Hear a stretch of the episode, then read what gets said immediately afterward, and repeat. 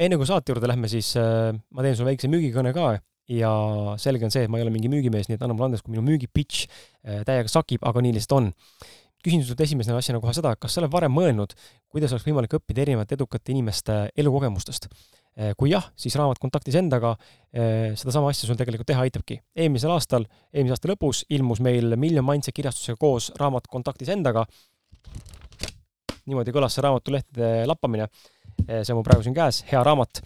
ja see raamat Äh, sisaldab siis neljakümne kuue erilise inimese lugu, mis aitavad sinul saavutada eneseteadlikkust, õppida end paremini tundma, saada vabaks oma piiravatest uskumustest ning elada seejuures kergemat elu, mis tegelikult ongi meie, meie kõigi eesmärk, vähemalt minu oma. raamatus leiad vastused küsimustele nagu näiteks, kuidas olla autentsem, kuidas mõtlevad edukad inimesed, kuidas leida oma tee ja kirg, kuidas toimib ideaalne paarisuhe, kuidas saada lahti kompleksidest ja alaväärtustundest, kuidas vabaneda hirmust ja hukkamõistust, kuidas kuulata oma intuitsiooni ehk sisetunnet ja veel palju-palju teisi küsimusi, millele sa vastused saad, need kõik lihtsalt ei mahu praegu siia väiksesse reklaamiklippi. ja lisaks nendele küsimustele või nendele vastustele, mis sa saad nendele küsimustele, lisaks sellele kõigile muule, saad sa veel teada raamatust siis neljakümne kuue erineva eh, podcasti ausad mehed külalise nõuandeid, taipamisi ja soovitusi, kuidas saavutada endaga paremat kontakti, samuti kolmkümmend spetsiaalset raamatu jaoks kirjutatud väärtust andvat täiendavat lühilugu, samuti ausad mehed podcasti kirjaliku saadete kokkuvõtted, mis on koostatud minu enda poolt tegelikult ja ma olen välja noppinud isiklikult kõik need head mõtted nendest kõikidest mõtetest ühe saate kohta, nii et kui sa neid saateid kuulad, siis ma olen üsna kindel ja veendunud, et need mõtted sulle ka meeldivad, mis raamatusse pandud on. lisaks saad sa minu isiklikke mõtteväljendusi lugeda, ja samuti saad sa palju uusi teadmisi, praktilisi harjutusi, inspiratsiooni ja motivatsiooni sellest raamatust. ta on mõnus, mõnus käsikiri eh,, käsikiri jah, mõnus eh, käsiraamat, millega lattake endale või teistele vastu tatti anda verbaalselt ja kindlasti sealt motivatsioon sulle tuleb. raamat Kontaktis endaga eh,, ausad vestlused elus ja pildis, esimene osa kirjeldab esimest sadat maha peetud ausat, autentset ja värskendavalt toorest vestlust. kui sa soovid seda raamatut endale saada, siis ole ja mine külasta kriskala.com või miljon.ee lehekülge, minnes nende e-poodi ning endale see raamat sealt ka saad siis endale tellida. tellides selle kriskala.com kaudu on raamat tulemas ka autogrammiga või pühendusega. raamatu hinnaks on seitseteist, seitseteist üheksakümmend viis eurot ja sellega on äh, meie reklaam läbi. aitäh sulle ja ilusat kuulamist!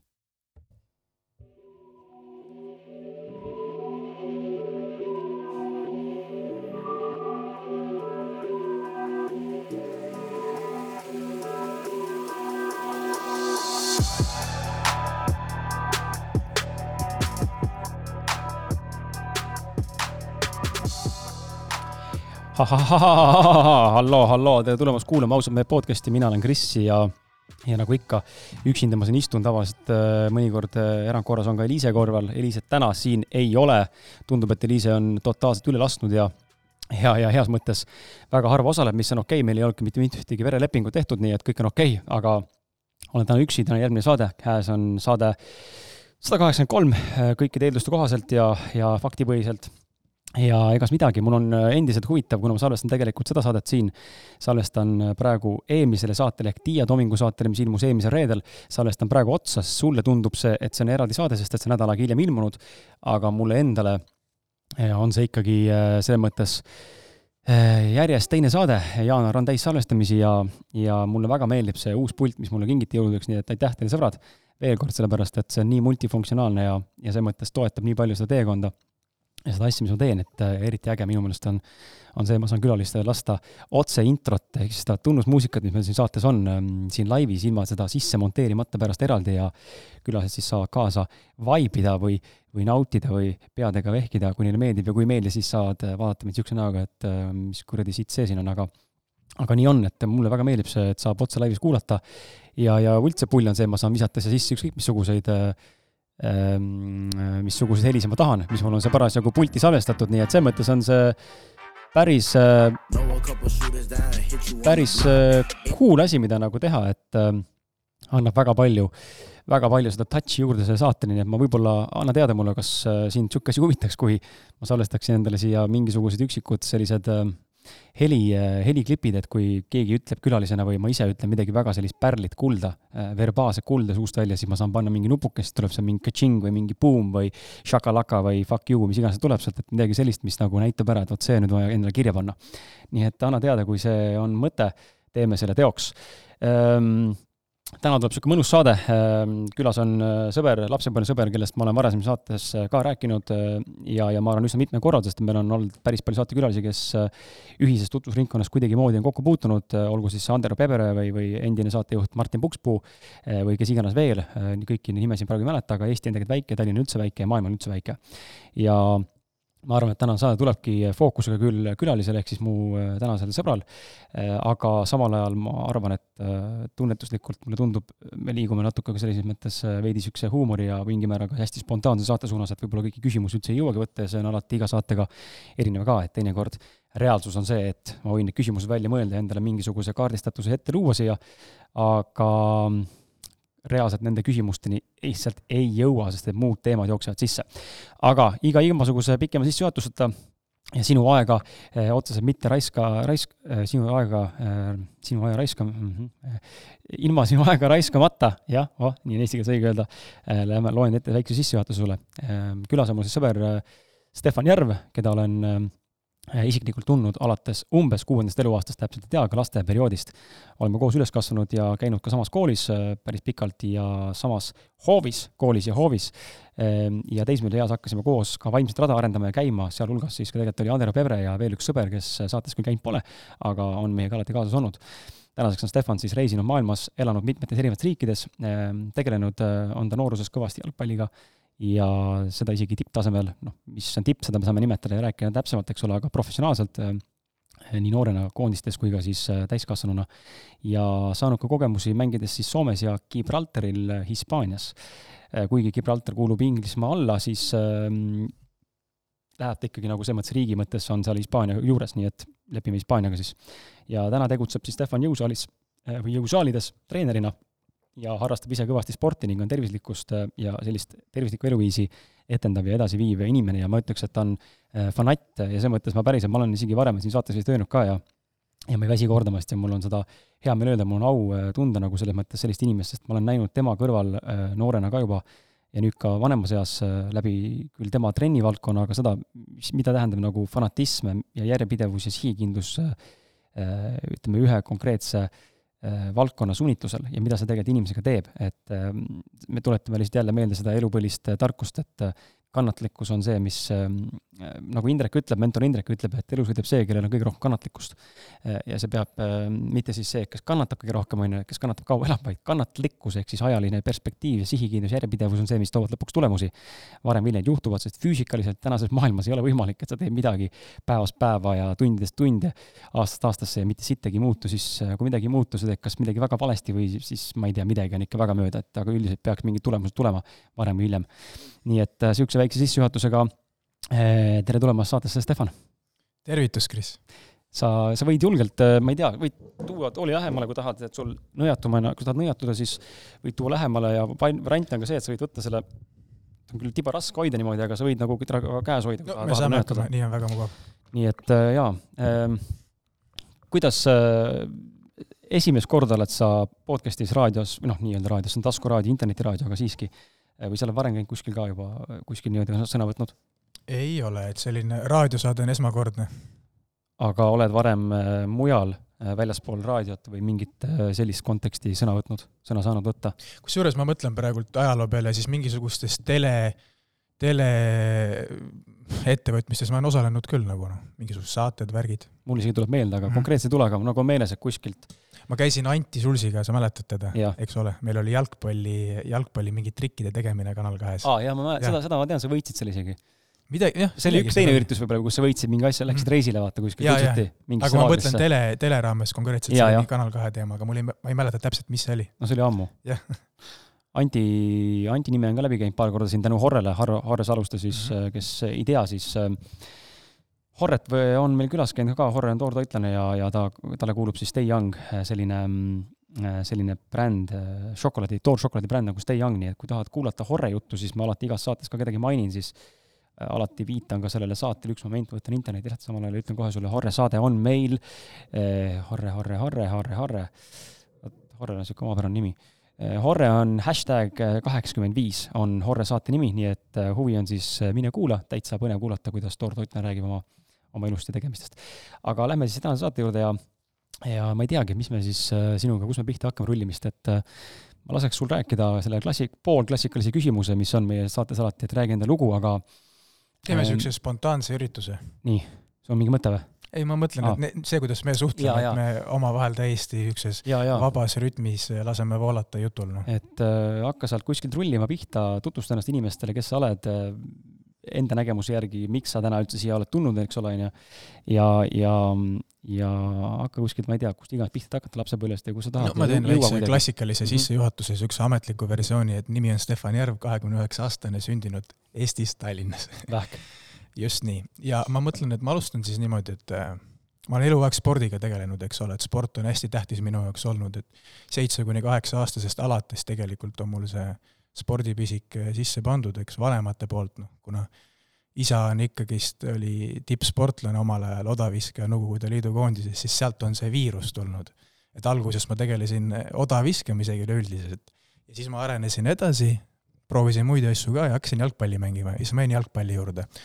Et nagu ma ütlesin, see sport on olnud põhiasi. aga no. see sport on olnud äh, isast, nagu siin paljud saatekülalised mm -hmm. rääkinud ka, kas see on mis ise näed, kas see on pigem nagu üldse mitte halvas mõttes, aga peale surutud, et ta nagu sind push inud selles suunas mm -hmm. või see on pigem su enda huvi olnud, et ta on toetanud seda? tead, ma ütlen sulle niimoodi, et ma arvan, et mingid asjad geneetiliselt kanduvad meil edasi, et näiteks kui su isa on noh, ma ei tea, suur tugev võimas, on ju, siis noh, ikkagi see läheb sulle edasi, et kui, kui isa on sul IT-mees, IT-mees jutumärkides on ju -hmm., sulle kanduvad mingid omadused edasi, ma usun. ja nüüd ongi see, nüüd ongi see küsimus, kui sul mingid omadused on edasi kandunud, mis sa ise nagu siis tegema hakkad, et ilmselt sa lähed samasse valdkonda proovima taolisi asju, missugused omadused sul on. ja noh, need omadused, mis mina olen saanud kaasa, need sobivad sporti väga hästi, nii et no ja vaata, sa näed, näed ju pealt ka tegelikult lapsepõlves sedasama mm -hmm. asja noh, kui isa on sportlane, siis laps näeb sporti, sportlase eluviisi, kui isa on IT-mees või on üldse joodik. joodik noh, noh, reaalselt joodik on ju, siis ta, siis on ka kalduvus sinna kukkuda, sest sa oled selles ja. äh, signatuuris sees. tõsi, tõsi.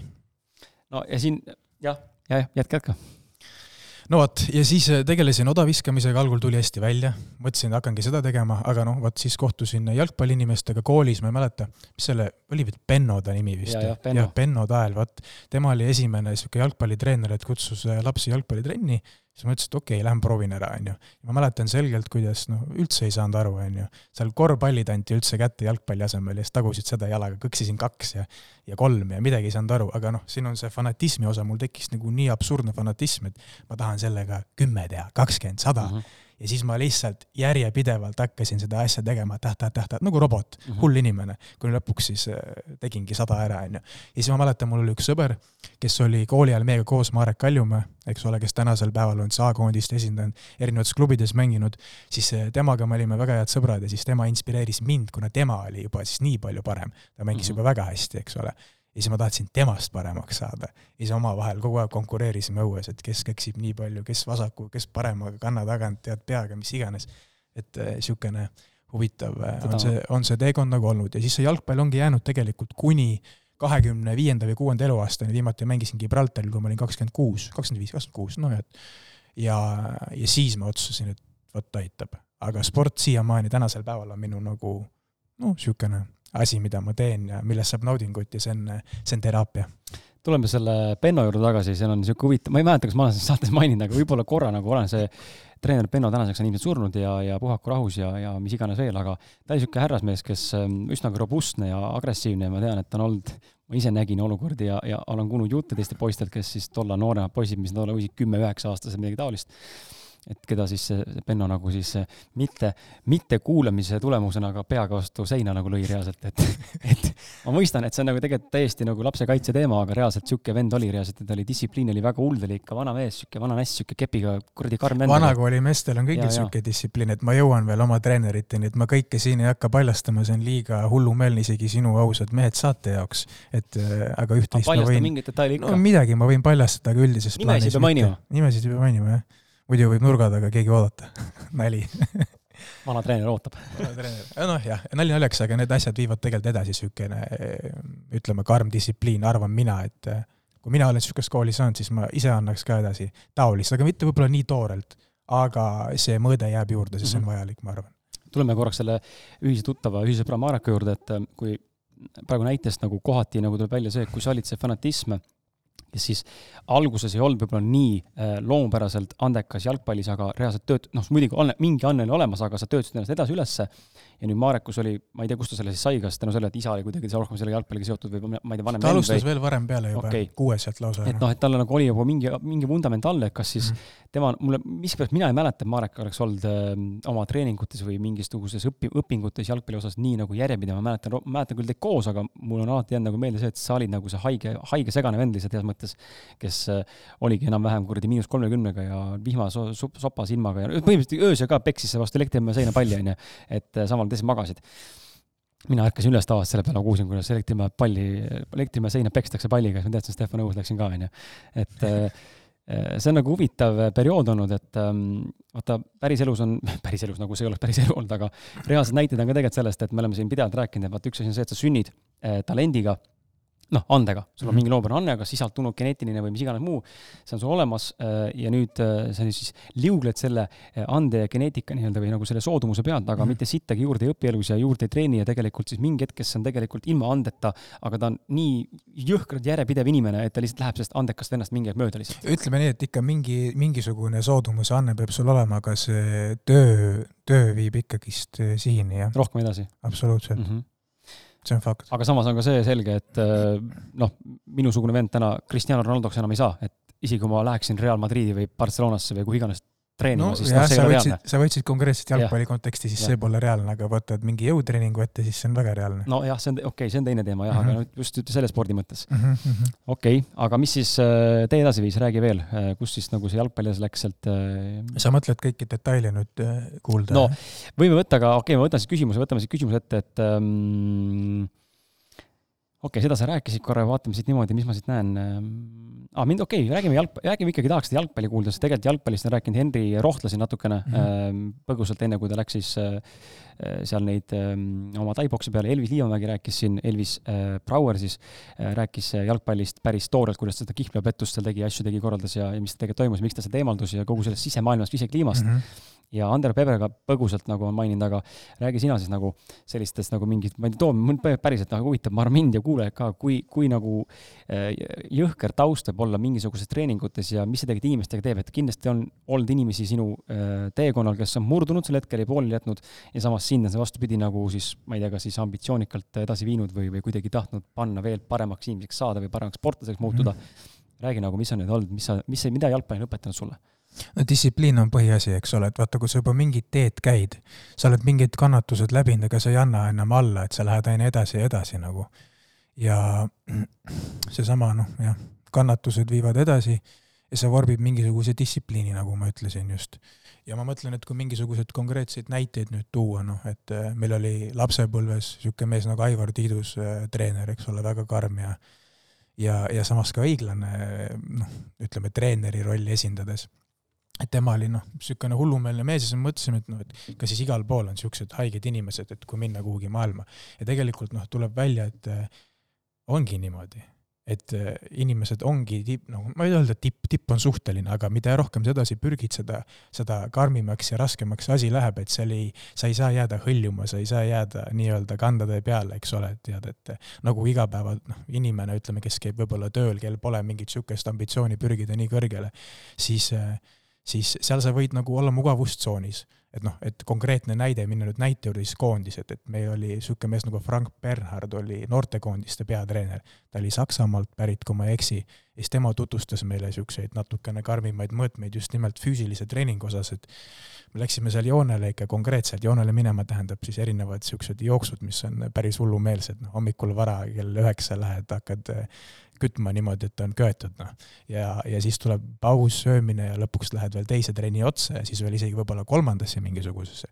et noh, see, see on nagu nii raske füüsiliselt ja vaimselt, et sind viiakse sellistesse piiridesse, et iga normaalne inimene ütleb, et kuule, ma ei viitsi, ma lähen ära. aga nüüd ongi see põhimõte, et kes on need, kes ei lähe ära, kes jäävad alles ja sul peab olema mingisugune äh, mingisugune, see on võib-olla mingi natuke kiiksuga inimene pead olema, noh. et selle, et sellest vastu pidada ja olla see. sinusugune nojah, aga nüüd on küsimus selles, et mina ei saanud ikkagi seda kätte, mis ma tahtsin hinges tegelikult, et tegid vigastused ja asjad vahele. aga idees, et kui suudad ka need ületada, siis sa jõuadki sinna sfääri ära, sa oled nagu masohhist kergelt nagu noh, jutumärkides on ju, et jah, aga distsipliin on see põhi, mis see andnud on tegelikult sinu nüüd vastus su küsimusele.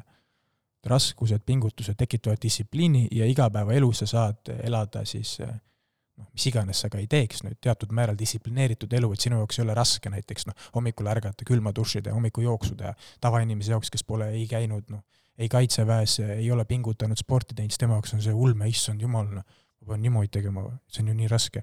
aga niisuguste sportlaste jaoks siis see ei ole nagu probleem ja nagu ma ütlesin, mis iganes muu valdkonna sa nüüd elus ei valiks, kas siis äritegevuse või no mis iganes muu asja, siis sa tead, mis sind ootab ja sa suudad ennast distsiplineerida ja suruda sfääridesse, kuhu noh, ütleme siis nii-öelda igapäevainimene või normaalne inimene või noh, mitte selliseid asju teinud inimene ei suru.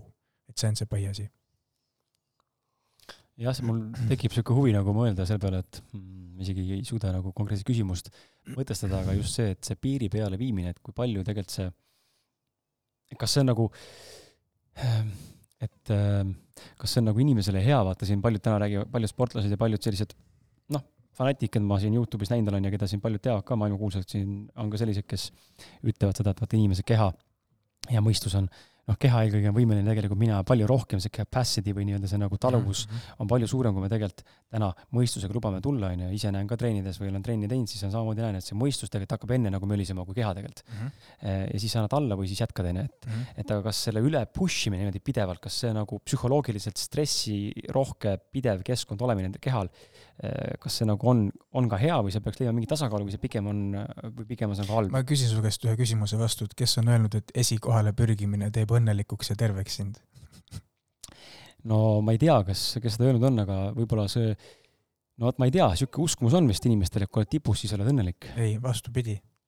mida rohkem sa tahad mingis asjas paremaks saada, seda rohkem üksikuks inimeseks sa muutud mm. -hmm. ja tegelikult, kui sulle ausalt öelda, no kuna see on niisugune saade, kus räägitakse ilma filtrite ja maskideta, noh, mingi filtri jätame, siis tegelikult sa tunned ennast aina rohkem üksinda, üksinda ja ja, ja elimineeritud inimesena, ükskõik mhm. mis asjas, noh. tahad sa hakata treenima oma füüsist, tahad sa jõuda jalgpallis tippu, tahad sa teenida miljoneid, sa oled päeva lõpuks üksinda. teised inimesed vaatavad, vau, tal on sihuke keha, tal on nii palju raha, tema sõidab Lamboga, aga mis selle inimese hinges toimub, seda ei tea keegi. Ja see ongi see, mida inim-, enamus inimesed ei näe. nüüd on noh, nüüd on suur küsimus, et on ju, aga et kumb siis olla, kas olla laval esineja, etendaja, noh, esineja, vabandust, või siis vaatleja ehk publik. alati on see trikk, et me oleme oma peas mõelnud ja sõpradega arutanud, et publik tahab olla esineja rollis, issand, kui kirev, kui kihvt. esineja mõtleb, et fuck, ma tahaks olla vahel publik, ma tahaks lihtsalt olla ja lihtsalt istuda, see ajab hulluks mind. ja see ongi see nüüd vahe, et noh, kuidas on vene, venelastel lause, et hea on see, kus eh, meid ei ole või no vene keeles ma ei tea, kuidas see on, aga piltlikult öeldes, et noh see ei too õnne, aga küsimus ongi selles, et mis on inimese hinges, et mõne inimese hinges on kohe niisugune selline vastik, selline värdjaslik, vabandust väljenduse eest, nagu niisugune tahe, et ma tahan esimene olla, mind ei huvita mm -hmm. ükskõik mis, ma tahan kõige parem olla, ma tahan esimeseks saada ja siis tal ei pakugi rõõmu või, või naudingut nagu normaalne tegevus, et võta naine, saa lapsed, ela lihtsalt, käi tööl, ta tunneb, et kurat, see ei ole see. et ma leian, et mingis inimeses on selline kood sees, et ta on kohe sellise mm. olekuga, küsimus on, kas ta siis on treenitud selleks või ta ongi selline, seda, mhm. sellele ma vastust ei oska anda, aga kui võtta selline suurem filosoofilisem küsimus nagu elu üle mõelda, siis, siis õnne see tegevus nagu ei too päeva lõpuks, et ta toob mingi rahulolu, see on nagu see goal, ah, ma tegin ära, olemas, see on sinu sees korraks õnn ja siis tuleb jälle järgmine asi. see on nagu pidev, see on nagu ahnus, see on nagu ahne inimese sündroom, sa oled näljane kogu aeg. sul on üks tort täis, ei, ma tahan kahte, kolme, nelja, viite, kuut, taduge mul kõike, noh. et see on äh, selline omamoodi haigus ja enamustel, ma olen aru saanud, nii vana kui mina praegult olen, et enamustel tippsportlastel, ärihaidel, kõigil inimestel on see omadus. Nad on siuksed, noh, kes saab aru, see saab aru, reptiilse Reptiil., reptiilse kompleksi inimesed. Neil on vaja saada kõike lihtsalt ja siis nad on umbes nagu rahul ja siis tegelikult ikka ei tule raha et ma, mina näen nii. see on tegelikult hea, hea point, et sa välja tõid selle lahti seletasid, sest et on niisugune lause ka, et ähm, mis, mis see lause oli ähm,? no oligi jah, mingi, mingi taolisega, et äh, tipp, tipp on, tipp on tegelikult üksildane ja tippu saad sa üksi Mm -hmm. ja, ja teistpidi ma tean seda, et äh, ise ka näinud äh, enda kogemuse pealt, mis ma teinud elus olen, et kui sa midagi ära saavutad, siis ma mäletan, pean ausalt ütlema, et kui ma selle raamatu ära kirjutasin, näiteks selle kolmanda, et see sai saja kahekümne viie päevaga valmis ja ja see oli ka niisugune, et olid mõned unetud ööd ja pingutamist palju ja et kõik oleks tähtajaliselt õige ja siis kätte saad selle, siis korraks on nagu see, et oh, nii äge. siis läheb ähm, tund mööda, tunned nagu, et mm -hmm. mis järgmine siis tuleb järgmine siis. ei huvita lihtsalt enam mm -hmm. nagu, siis samal ajal tekibki tunne, et kas ma siis ei väärtusta või ei ole nagu tänulik, vaid, või, või see, on see nagu haigus või, aga samas ma näen, et see on mingisugune ambitsioon, mis on okei okay,, aga noh, üle võlli läheb, siis on jama juba. vaata, asi ongi lihtsalt selles, et see on nagu see Shakespeare küsis, et kas olla või mitte olla, on ju. noh, mis see tähendab, see on suur küsimus, aga võtame selle meie oma konteksti, mis näite mina just ennem tõin, et kas olla siis näitleja eh, laval või olla publik, eks ole. et noh valik on sinu, et eh, kui sa oled sündinud ühe niisuguse stereotüübini rohkem, siis tuleb seda rakendada.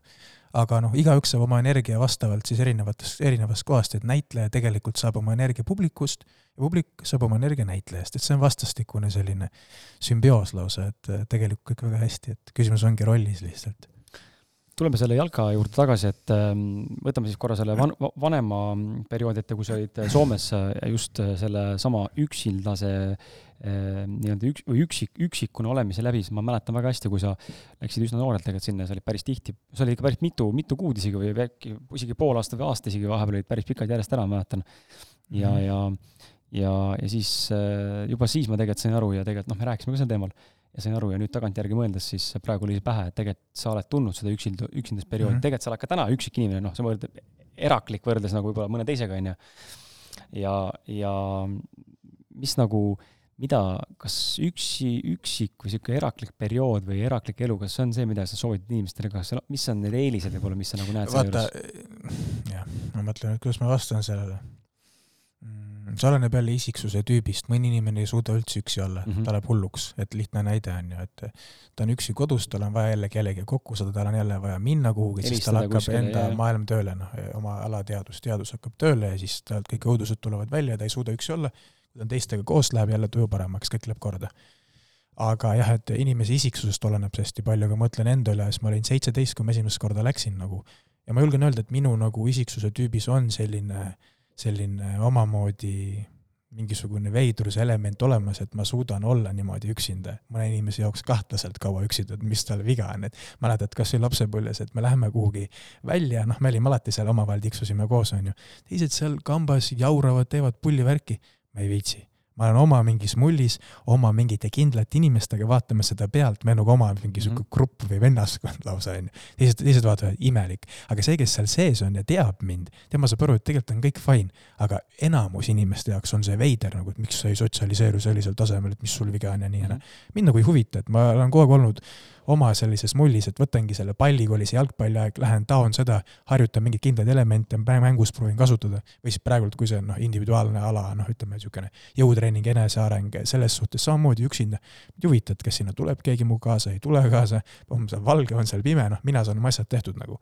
et eh, see on jah, see on niisugune isiku, isikuomadus ja isikupära, aga mis selles head ja halba on, hea on selles see, et eh, sa saad väga palju enese kohta teada, sa analüüsid ennast et eh, kui sa oled üksi ja sul on aega, sa lõpuks hakkad küsimusi küsima sügavamaid iseenda käest, et see on ka võib-olla põhjus, miks mind on huvitanud eh, või juba hakanud huvitama sellised, ütleme, vaimsed teemad äh, juba nooremana, sest et mul oli aega selleks ja võib-olla ka mingi soodumus, et noh, sa teedki need trennid ära, sul ei ole minna kuhugi mingisuguste imesõpradega hängima, chill ima, noh, sa oled rahulikult üksi, lähed jalutad, võib-olla teed midagi, sa hakkadki mõtlema teistmoodi, huvitav on see, et sõprusringkonnas inimesed, kes on samamoodi, noh, sportlased, eks ole, mänginud kuskil kaugemal elanud, nad on jõudnud ka huvitavate järeldusteni just nimelt üksi olles mm -hmm. nagu. ja siis ma leiangi, et seal üksindusel ongi see mõõde, et sa saad tegelikult enese kohta teada väga palju, aga mis on nagu negatiivne on see, et äh, mm, nagu noh, see normatiivse sotsiaalse konteksti jaoks sa võid tunduda veider, aga siis sa jälle noh, tasakaalustad seda ja kui tahad, võid mõne rolli teha ja, ja. täiskorra ja oksendad kuskil, siis on jälle no, tasakaal või, kui jah, võid ka seda nii nimetada, aga jah, et niisugune äh, vastus sulle. Okei okay, ähm,, aga mm, puhtalt jalgpallist, äh, tehniliselt spordi mõttes, äh, kui palju sa näed Soome ja Hispaania Gibralt-, Gibraltari ja Eesti vahel sellist äh, erinevust või samastumist spordi ja suhtumise ja, ja treenitavuse ja taseme mõttes? no kui ma Soomes olin, siis ma olin tegelikult, ma läksin noortemeeskonda see hetk, kui ma olin seitseteist siis ja, ja see oli nagu noortemeeskond, kes siis mängis, kui ma ei eksi, kas ta oli esi- või teine liiga, mul ei tule praegu meelde. Ja lõpuks ma jõudsin sealt, no jälle oma fanatismiga Soome Veikkausliiga ehk siis Soome kõrgliiga esindusmeeskonna treeningutele. Ja seal oli väga professionaalne see hetk. muidugi noh, see meeskond pandi jälle kotti, sest ta tegeles kihlu ja pettusega järjekordselt, kus mujalt raha saab kui ainult pettustega. Ja no muidugi see oli nali see ei olnud nali, et pettustega, tähendab, see ei olnud nali, et kinni pandi, et kinni pandi, aga raha saab ka ilma pettusteta aga ühesõnaga jah, nad tegelesid seal kihlu jamaga, aga ma jõudsin sinna välja eh, Veikkausliiga kõrgliiga meeskonnatreeningutele ja see hetk, siis mina vaatasin, et võrreldes Eestiga, et mis asja, et riietusruumis on kõik riided paika pandud, mingid energiapatoonid, joogid, värgid, särgid, füsio kohal nagu. et see hetk seal oli see tase ikkagist natuke mm -hmm. kõrgem kui meil ja meil siis oli siin see hetk, aga samas noh, ma ei oska kommenteerida, ma ei ole sisse näinud nagu kuidas Floras või Levadias see hetk oli see tase nagu just niisuguses süsteemis, aga aga jah, et seal oli ikkagist rohkem nagu eespool see üritus. ja kui ma mõtlen selle Gibraltari peale, siis see oli Gibraltari meistriliiga, mis ei ole tegelikult väga tugev, kui ma olen aus, seal on väga, seal on esimesed kaks või kolm meeskonda, kes on nagu aktsepteeritavad, ülejäänud on suhteliselt noh, niisugused kesised, aga sarnane nagu meie liiga, kuigi meie Eesti liiga on edasi arenenud väga palju. et meil on siin põhi kolm-neli meeskonda, on ju, noh nüüd on juba paremaks see läinud, aga võrreldes mingi, mingi aastate, aastaid tagasi, siis meil samamoodi noh, need lõpusatsid, kas siis Kuressaare või keegi, et noh, suhteliselt noh, niisugune noh, mõttetu noh. no ja piltlikult öeldes mm, -hmm. et seal, seal oli ka sellist, et äh, töödistsipliin on seal natukene mm, kesisem selles nii-öelda madalamas liigas, sest et noh, niisugused Hispaania inimesed, bailando peal, eks ole, noh, päike paistab, äh, saab jälle välja minna, pulli teha, et niisugune. Äh, aga kui treening, siis ikka inimesed töötavad, aga lihtsalt jah, see mentaliteet on teine, et nad on, nad on natuke lahtisemad, need ei ole nii kinnised, need ei ole nii tõsised, nad on, neil on teine vibe, noh. Kultuur on teine. huvitav oleks lihtsalt näha nagu see riietusruumi näite kohaselt äh, oleks huvitav näha mingi Reali või kuskile mingi BSG või Manchesteri nagu nende, nende sise, siseruumidesse nagu näha, mismoodi seal Eh, tiimiliikmeid või mängijaid nagu toetatakse või hoitakse või kas üldse hoitakse või vastupidi, hoopis terroriseeritakse no,? see, kes ise mängib seal, see teab, noh, et niimoodi mingid videod ja asjad, mis on näha, noh, ma ei tea, vaata, kui, kui tõesed nad on, noh, mingid asjad on kindlasti tõesed, mis mm -hmm. näidatakse, aga tegelikku sisekliimat ja olu, ma arvan, seda nagu niimoodi videosse ei võeta ja, ja. ja kuskil Youtube'i ei panda no.. Ähm mul on, kas mul on õigesti meeles, et äh, see kunagi noorena sa tegid mingi video, vaata mingisuguse, äkki see oli mingi Fanta või Sprite'i või mis kuradi võistlus see oli seal, mingi kõksimisvideo, mingi pallitrikkide video ja siis sa võitsid selle, aga seal oli minu arust, kui ma õigesti mäletan, seal mingi manifesteerimise teema oli sees. Ehk siis sa, mul noore meeles kuidagi sa mõtte, mõttega nagu üritasid suunata mingit, mäletad, kujutasid ette nende telefonikõne ja lõpuks heliseski ja sa said minna sinna kuskile laagrisse. ma räägin sulle selle loo, see oli niisugune lugu, et Adidas, no ühesõnaga kaks putsa stiili jalgpallisaapaid mm -hmm. on olemas, on ju, Predatorid F50 see hetk ja siis Adidas otsis või noh, tegi mingisuguse kampaania. Eesti Adidas või Adidas Global? Adidas Global okay., aga nüüd olid regioonid, Aafrika, Euroopa on ju, mhm. kõik erinevad sektorid. ja siis otsiti noh, Balti, Baltikumis samamoodi, et Eesti, Läti, Leedu on ju, et Eestist saab üks vend, Lätist ja Leedust üks vend ja missioon oli siis saata Adidasele video, kus sa teed trikke palliga, noh, freestyle, igasugused trikid, värgid, särgid.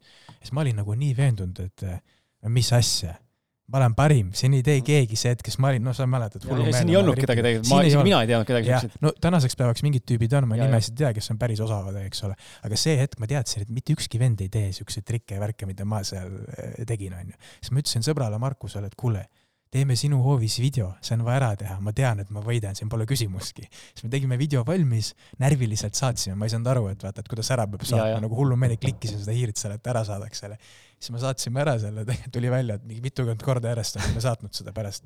ja siis oli, noh, nüüd on see manifesteerimise teema, onju, ma teadsin, et ma saan sellepärast sellepärast saidki vaata, sa oled saja... mitu, mitu korda saatnud no,. ja, ja no vot, et saja protsendi teadmine, et ma lihtsalt saan mm. -hmm. ja siis olime ära saatnud ja lasin juba minna sellele, noh, närviliselt nagu ma olen, impulsiivne, ootasin, et millal see vastus siis tuleb. ei tulnud, ei tulnud, ei tulnud lasin juba minna, mõtlesin, et kurat, ei tulegi äkki, onju. ja siis läheb seal nädalaid mööda ja järsku heliseb telefon võtta vastu ja siis see, see Eesti esindaja, et tere, tere, mina olen see kodanik. et võitsid, võitsid selle Adidase, noh, mis iganes, trikivõistluse kampaania ära Eestist, et sa oled, mine ja Hispaaniasse kolmeks päevaks, saad tasuta kõik söögid-joogid, lennupiletid, värgid-särgid ja noh, sellest Hispaaniast koha peal, et siis seal oli nagu koos siis nii-öelda Predatori putsade kandjad F50 maailma nii-öelda supermängijad. et see hetk oli seal Zidane, Beckham pidi ka olema, aga Beckhamit sinna ei tulnud, aga noh, ma ei mäleta, kes seal need veel need mängijad olid, kes vastavaid putsasid kandsid, eks ole. ja siis oligi, et need mängijad, tipptreenerid ja siis need üle maailma lapsed, noored koos siis erinevatest regioonidest pandi sinna kokku, me saime treenida me saime süüa, me saime juua, me nägime tippmängijaid ja siis noh, meil tehti omavahel seal turniire, võistlused ja siis lõpuks noh, selline, selline ürituse võitja, võitja sai seal mängida tippmängijatega koos ja siis ma mäletan, ma nägin Zidane'i, see hetk oli neliteist ja viisteist, vaatasin seal viie meetri pealt ja kiilas pead, et ossa poiss niisugune huvitav, huvitav seik oli ja siis sellest hetkest peale see Hispaania hakkas mulle nii nagu meeldima, et mõtlesin, et kurat, et vot selle keele ma õpin ka ära, noh. mida ma tänaseks päevaks nagu suudan rääkida täiesti adekvaatselt et äh, sealt tuli see pisik jah, selle Hispaaniaga ja noh, hiljem siis juba ma jõudsingi ise sinna mm -hmm. Gibraltarile Hispaaniasse nagu vutti mängima, et niisugune äh,. siit me tuleme jälle fanatismi juurde, et äh, sa oled selles mõttes hea näide, et kui sul on mingi visioon või mingi asi nagu soov midagi teha ja see päriselt kõnetab ja ja, ja ma ise, ma arvan, me kõigil on isegi kuulajad, kes siin praegu kuulab, siis kui sul on elus midagi sellist, mis sa tead, sul on see teadmine, et ühel hetkel ma teen seda või ühel hetkel ma õpin seda või ühel hetkel oskan seda, või sinna ma jõuan, siis sa varem või hiljem seda ära ka teed, kui sul on piisavalt palju mm -hmm. nagu mhm. tõesti seda tuhhi sees. sa õppisid hispaania keelt ka niimoodi, ma mäletan, sõitsin bussiga, sul oli see kuradi see primitiivne sõna, sõnastik, see eriti labane käes, mis on see eesti ja hispaania sõnastik ja sa lappasid neid sõnu ja siis sa kordasid neid mulle ja ja siis ma mäletan, et sa nagu mingi vennad seal ümberringi naersid ka, et mis sa õpid hispaania keelt umbes mingi onju, noh täna yeah. saad nagu, saad nagu rääkimisega hakkama onju, pole küll võib-olla emakeelena selge, aga see ei tähenda, et sinna ei jõua onju, aga just teie näide, et ei pea tegelikult minema eraldi hispaania keele kooli või midagi taolist tegema, vaid saabki ise hakata vaikselt lihtsalt tuupima ja ennast nagu kasvatama selles Absolu absoluutselt, kui vahetada kiirelt topikut ja minna selle fanatismi või asja juurde, sa võid kõik asjad ära teha, kui sa tahad, noh. ükskõik kus kohas, noh. et see on jälle meie see vana treeneri näide, on ju, et sul ei ole vaja mingit imejõusaali ja ime kuradi äh, igasuguseid võimlemisriistu ja värke, et kaks korda kaks ala, sa saad seal väga palju asju ära teha ja kui sa tahad, sa leiad mm -hmm. alati viisi, kui sa tahad. küsimus ongi selles tahte-asjas ja ma enda puhul mõtlengi, et praegu tagantjärgi tegelikult kõik, mis ma olen nagu päriselt soovinud, ma olen saanud, aga kõik, mis ma olen niisugune poole imeni, et no võiks ja oleks ja siis seda ei saa. aga kõik, mis ma päriselt olen soovinud, need asjad ma olen nagu saanud mm. -hmm. ja tulevikuplaanis samamoodi, noh. et äh, jah aga hüppame korra siia sellisesse mõttemustri maailmasse, et tulles sellesama näite, kui sa võitsid seal Hidasse selle võistluse, et sa tea-, sinu sees oli sisemine teadmine, inglise keeles on see vähe ilusam, on inner knowing, et nagu tea-, kindel teadmine, et nii läheb ja ma saan selle ja see oli nagu juba olemas. ja, ja, ja küsimus on siis see, et kui palju sa näed oma elus, oled näinud või näed täna siiani või arvad, et mõttejõud öeldakse, mõttejõul on väga suur jõud, me oleme seda valdkonda mm -hmm. sinuga väga palju kompinud, võib-olla viimased kümme aastat oleme nagu eraldi eh, seda teemat nagu lahanud ja õppinud, aga me alustasime koos ja, ja ma tean, kuidas me alustasime koos ja milleni me koos jõudsime, aga et mis on täna sinu arvamus, kas mõttejõul üldse on mingit jõudu ja, ja kuidas, kuidas korrigeerida või kuidas hoida enda mõtteid ma ei tea, sihipäraselt sihikul või niimoodi, et eesmärgi, eesmärgipärane oleks tulemus? kindlasti on sellel eh, mõttejõul, kui sa juba ütled ära, et kas mõttejõul on jõud kindlasti on mõttel jõud. et noh, ma ei, ma ei kommenteeri seda nii sügavalt, minnes mingisuguste füüsikaliste elementide või, või, või sõnakasutuse juurde, et ma kahjuks ei ole nii pädev selle, selle asja suhtes, aga, aga mina usun, kui me räägime uskumustasandist, jah, tal on jõud. tõmba, lükka mikrit korraks natuke minu poole, nagu koos, koos selle statiiviga, sutsu, jah, voh, ja nüüd võid uuesti toetada ja rääkida niimoodi. oli muidu liiga lähedal.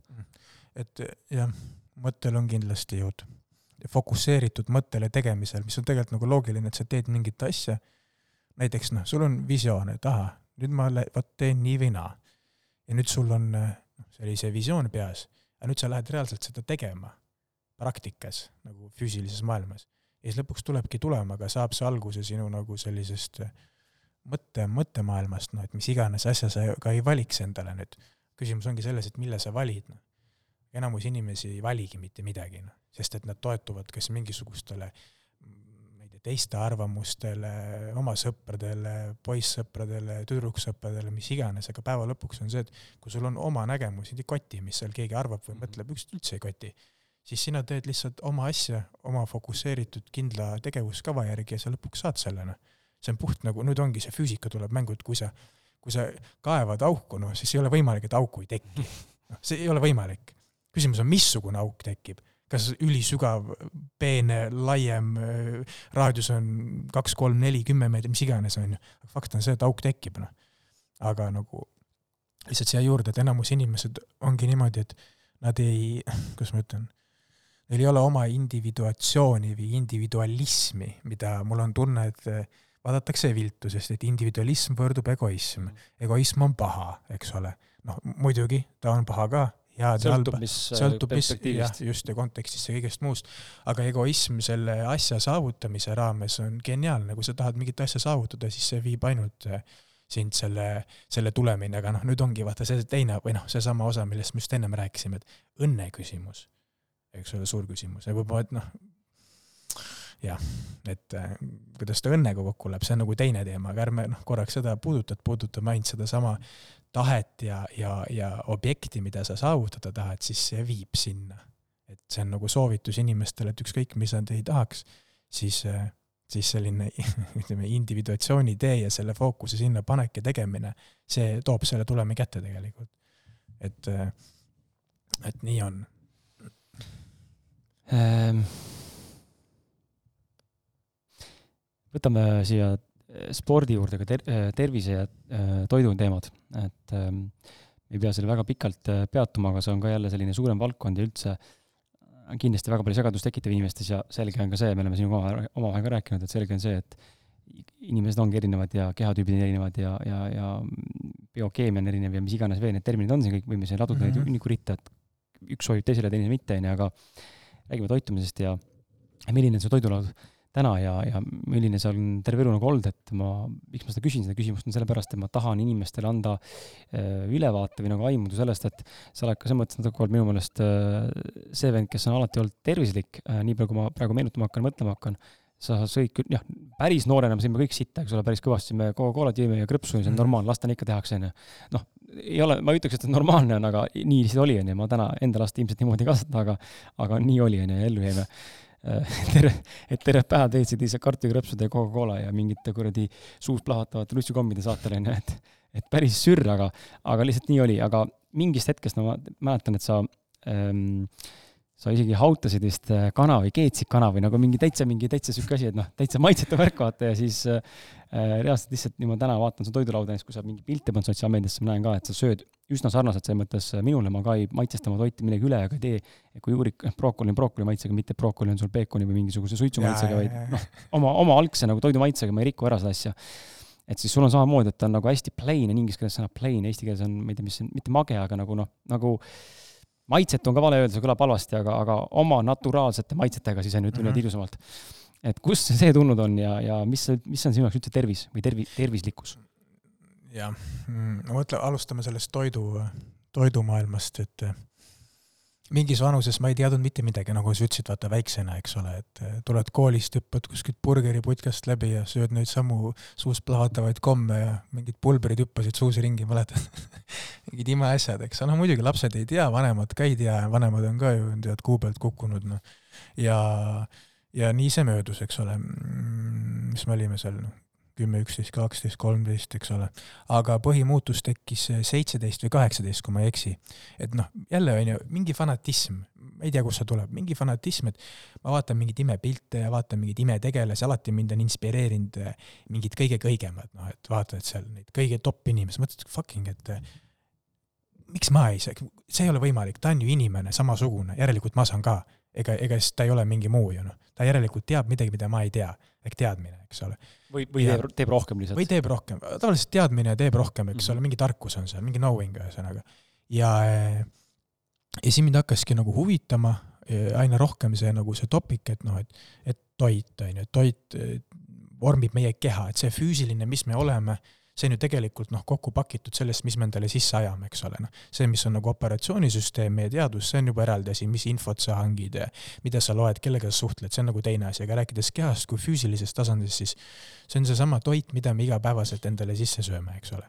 ja, ja siis mind hakkas see nagu nii paeluma, mõtlesin, et vau, et et noh, infot oli muidugi hästi palju, internetist loed, raamatutest loed, püüad mingite inimestega suhelda, kes teavad sellisest valdkonnast, no sa teed oma järeldusi, katsetad enda peal, nagu see on nagu see minu komme on, et ma ei usu mitte midagi, ma ise hakkan proovima, vaatan, ah, toimib, ei toimi, kui toimib, järelikult on õige, kui ei toimi, aga info on teaduslikult tõestatud, siis järelikult on vale, kui minu puhul ei toimi, on ju, loogiline, eks ole. niisugune praktiline pragmatism isiklikul tasandil ja kogemine on nagu, nagu õige, noh, vot.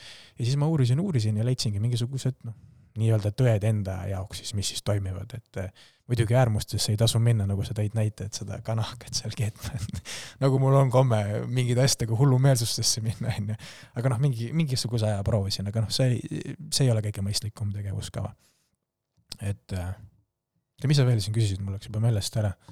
et kus ma selle, kus ma selle idee nagu sain ja no see idee, kust sa said, oli see, see, see ka ja teine pool see, et mis, milline on su toidulaud täna nagu, mida, mida sa mm -hmm. nagu hindad selle lauaäärusel, kas sa jälgid makro-mikroid või sa paned lihtsalt umbes silma järgi kogemuse pealt juba või? jälgin küll jah, et ma olen endale selgeks teinud nagu palju on seal äh, kuskil kaloreid, palju on kuskil suhkurt, süsivesikuid, valke, rasvasid, et see on nagu paigas, aga mitte äärmusteni aetud mm, -hmm. sest et mul, mu idee ei ole kuskil laval võistelda, eks ole, ja see ei ole ka jätkusuutlik, vaid olla nagu toonuses tugev, tervislik inimene ja selleks ma jälgin mingisuguseid asju ja et äh, kõike ma ei jõua siin ära jutustada, aga kirjaülevaade, et noh, et inimestele, eelkõige nüüd kuulajatele, klientidele, kes ka minu juures trennis käivad ja kes tahavad trenni tulla, siis siis ma ütlen teile ühe asja, mis on nagu sajaprotsendiline tõde jälle, kuidas mina olen aru saanud ja ma julgen öelda ka tegelikult kõigil teistel inimestel, kui te elimineerite oma dieedist valge suhkru, nisujahu ja alkoholi, et isegi trennis ei käi ja te olete ülekaaluline, siis see lihtsalt sulab teie pealt mm -hmm. ära.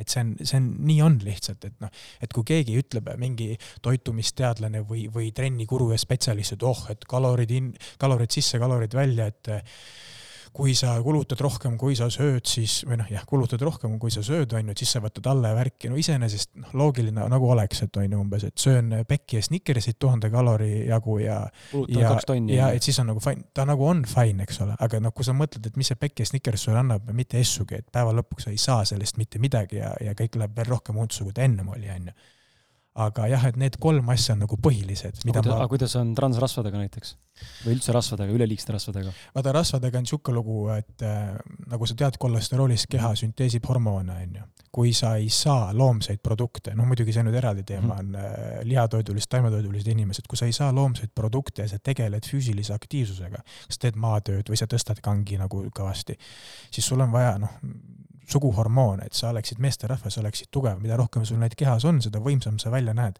ja seda võimsam sa üldse oled, eks ole, su ajuaktiivsus, su, su mentaalsed võimed, kõik asjad on võimsamad ja paremad. et noh, aga nüüd ongi see, et seda nagu su keha sünteesiks, sa pead ju midagi endale sisse võtma, me ei räägi praegu kunstlikest lisanditest, me räägime puhtast maailmast, toidust, treeningust, et kuidas seda nagu stimuleerida ja teha.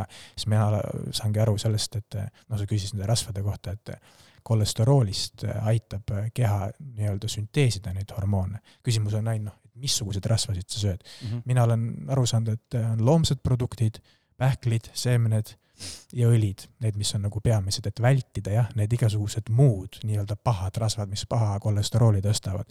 Need on niikuinii vaja elimineerida, aga, aga sinna alla kuuluvadki ju kõik jamps, mis kõigile mm -hmm. meeldib.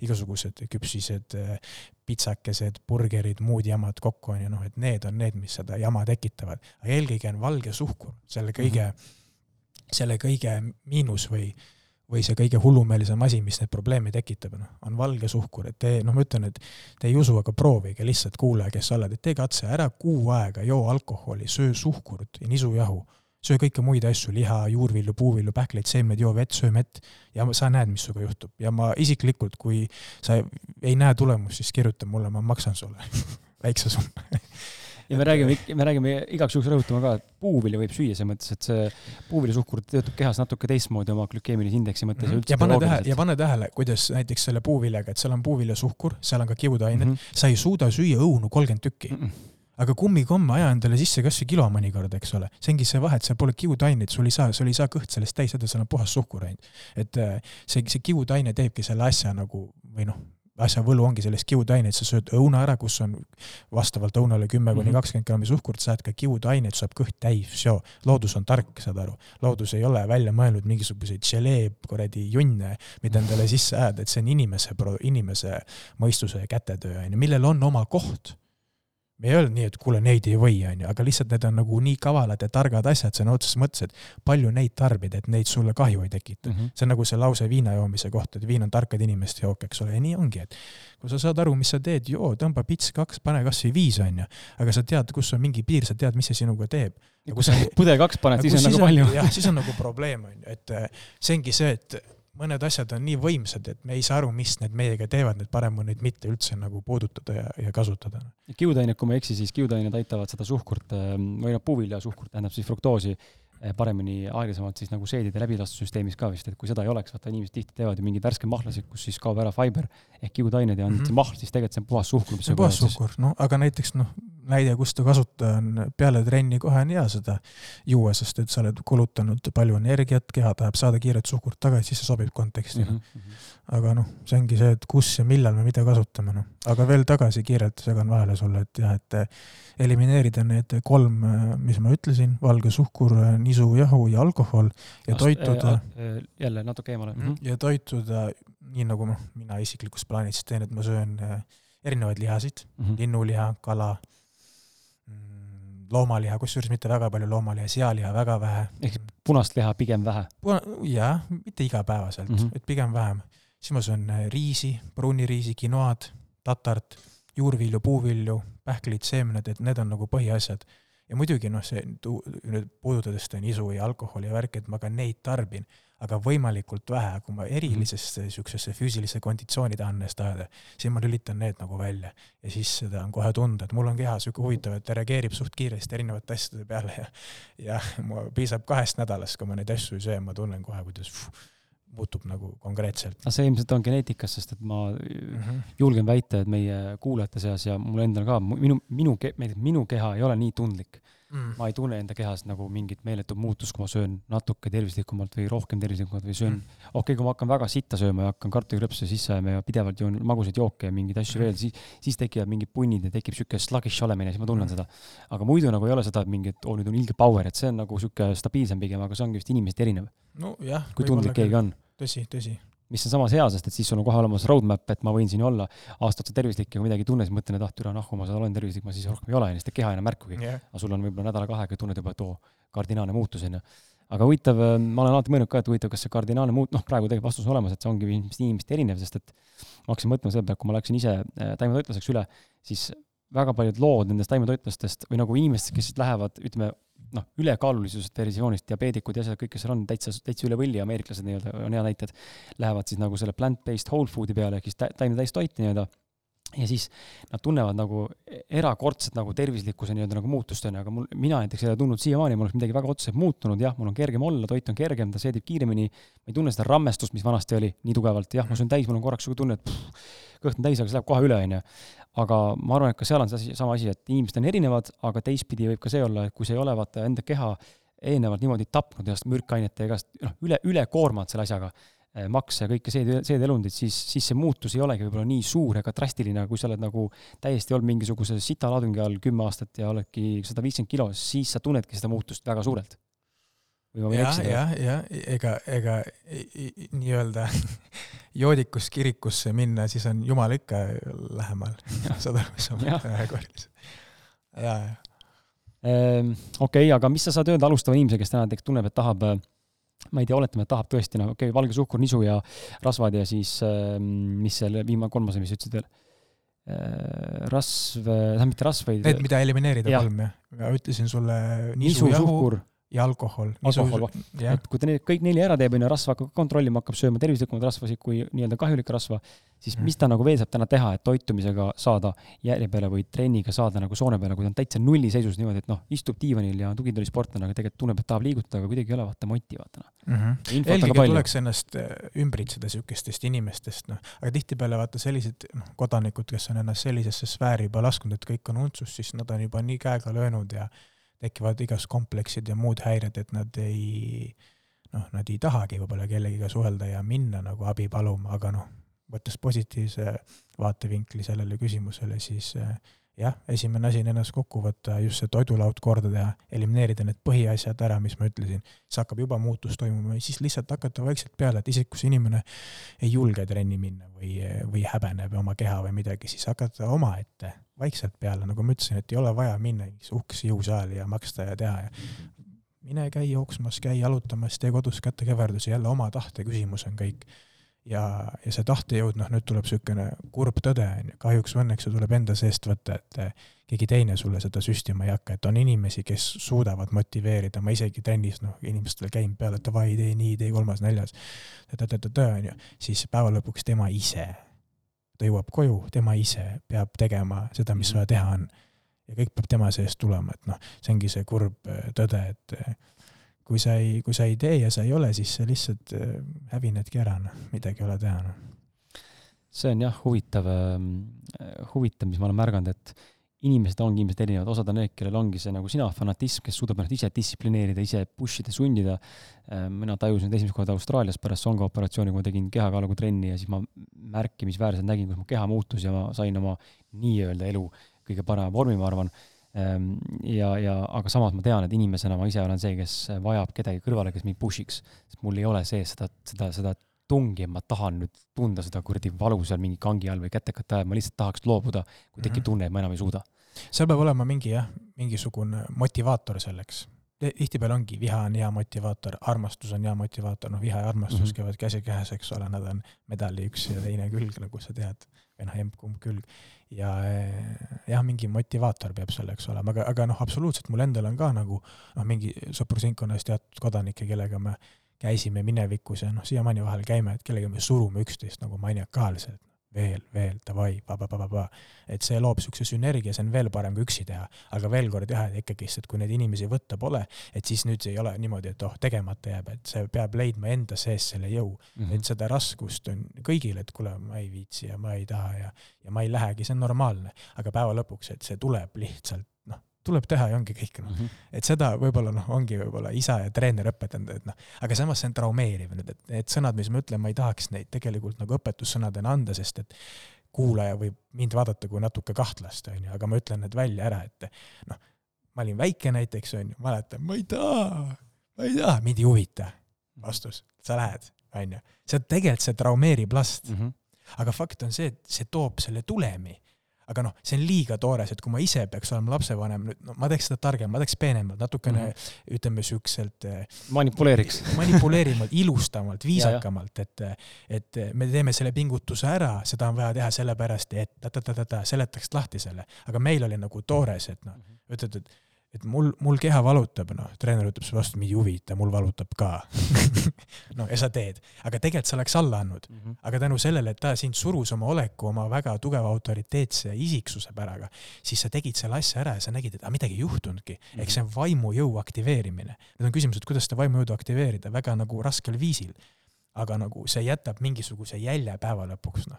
et see ongi see negatiivne pool sellele, aga et, aga ma usun, et on võimalik ka kuldne kesktee, et et on ebamugav pingutus, vaimujõu areng, aga samal ajal, et see ei traumatiseeri, ei tee sind nagu ütleme teistpidi natuke kahtlaseks või mhm. haigeks, noh. et äh, see oli võib-olla nende vene kooli või vene, noh, niisuguste vene inimeste, vene koolkonna nagu viga, et ainult niisugune väga karm on ju, raudne rusikas, et mitte ühtegi nõrkust ei tohi olla. aga noh, see ei ole ka õige, et see peab olema käsikäes, et mina ise proovin õppida just niisugust nagu mõlemat korraga nagu sümbioosi viia, ühte sulatada mm. -hmm. et see on nagu see võti, ma leian keha, meel ja vaim äh, on kombo, millele sa ammu juba tegelikult oma elus toetud ja, ja ma arvan, meie kuulaja on seda varem kuulnud ka ja see ei ole absoluutselt võõras termin. me kehast ja meelest oleme pidult, pisut juba vestelnud, aga räägi, mida see, mis see kombo sinu jaoks tähendab ja, ja kuidas sina seda igapäevaselt siis arendad? Mind, body, soul, jah, keha, meel, vaim. noh, see on nagu, ma alati toon selle äh, arvuti allegooria, metafoori, mis iganes, kuidas öelda, et et sul on arvuti, näed siin laua peal, on ju, ja kasutad internetti.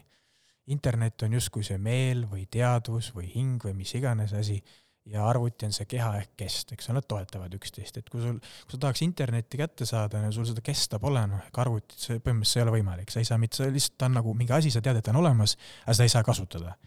aga, ja vastupidi, oleks sul ainult äh, või noh, ma ütlesin, et sul on see kest, on ju, ja internetti pole, siis sa oled selle kestaga, mis sa seal teha saad, ainult neid programme kasutada, mis sul siis peale download itud on või kui üldse midagi pole, siis on põhimõtteliselt mõttetu, liiguta hiirt ainult, on ju. kujuta ette inimene, nüüd, nüüd seesama võrdlusmoment, et nagu inimese kontseptsiooni panna, et inimene on justkui see kest, kui me räägime kehast kui kestast, ja samal ajal tal eksisteerib teadus ehk see internet nagu nii-öelda meel.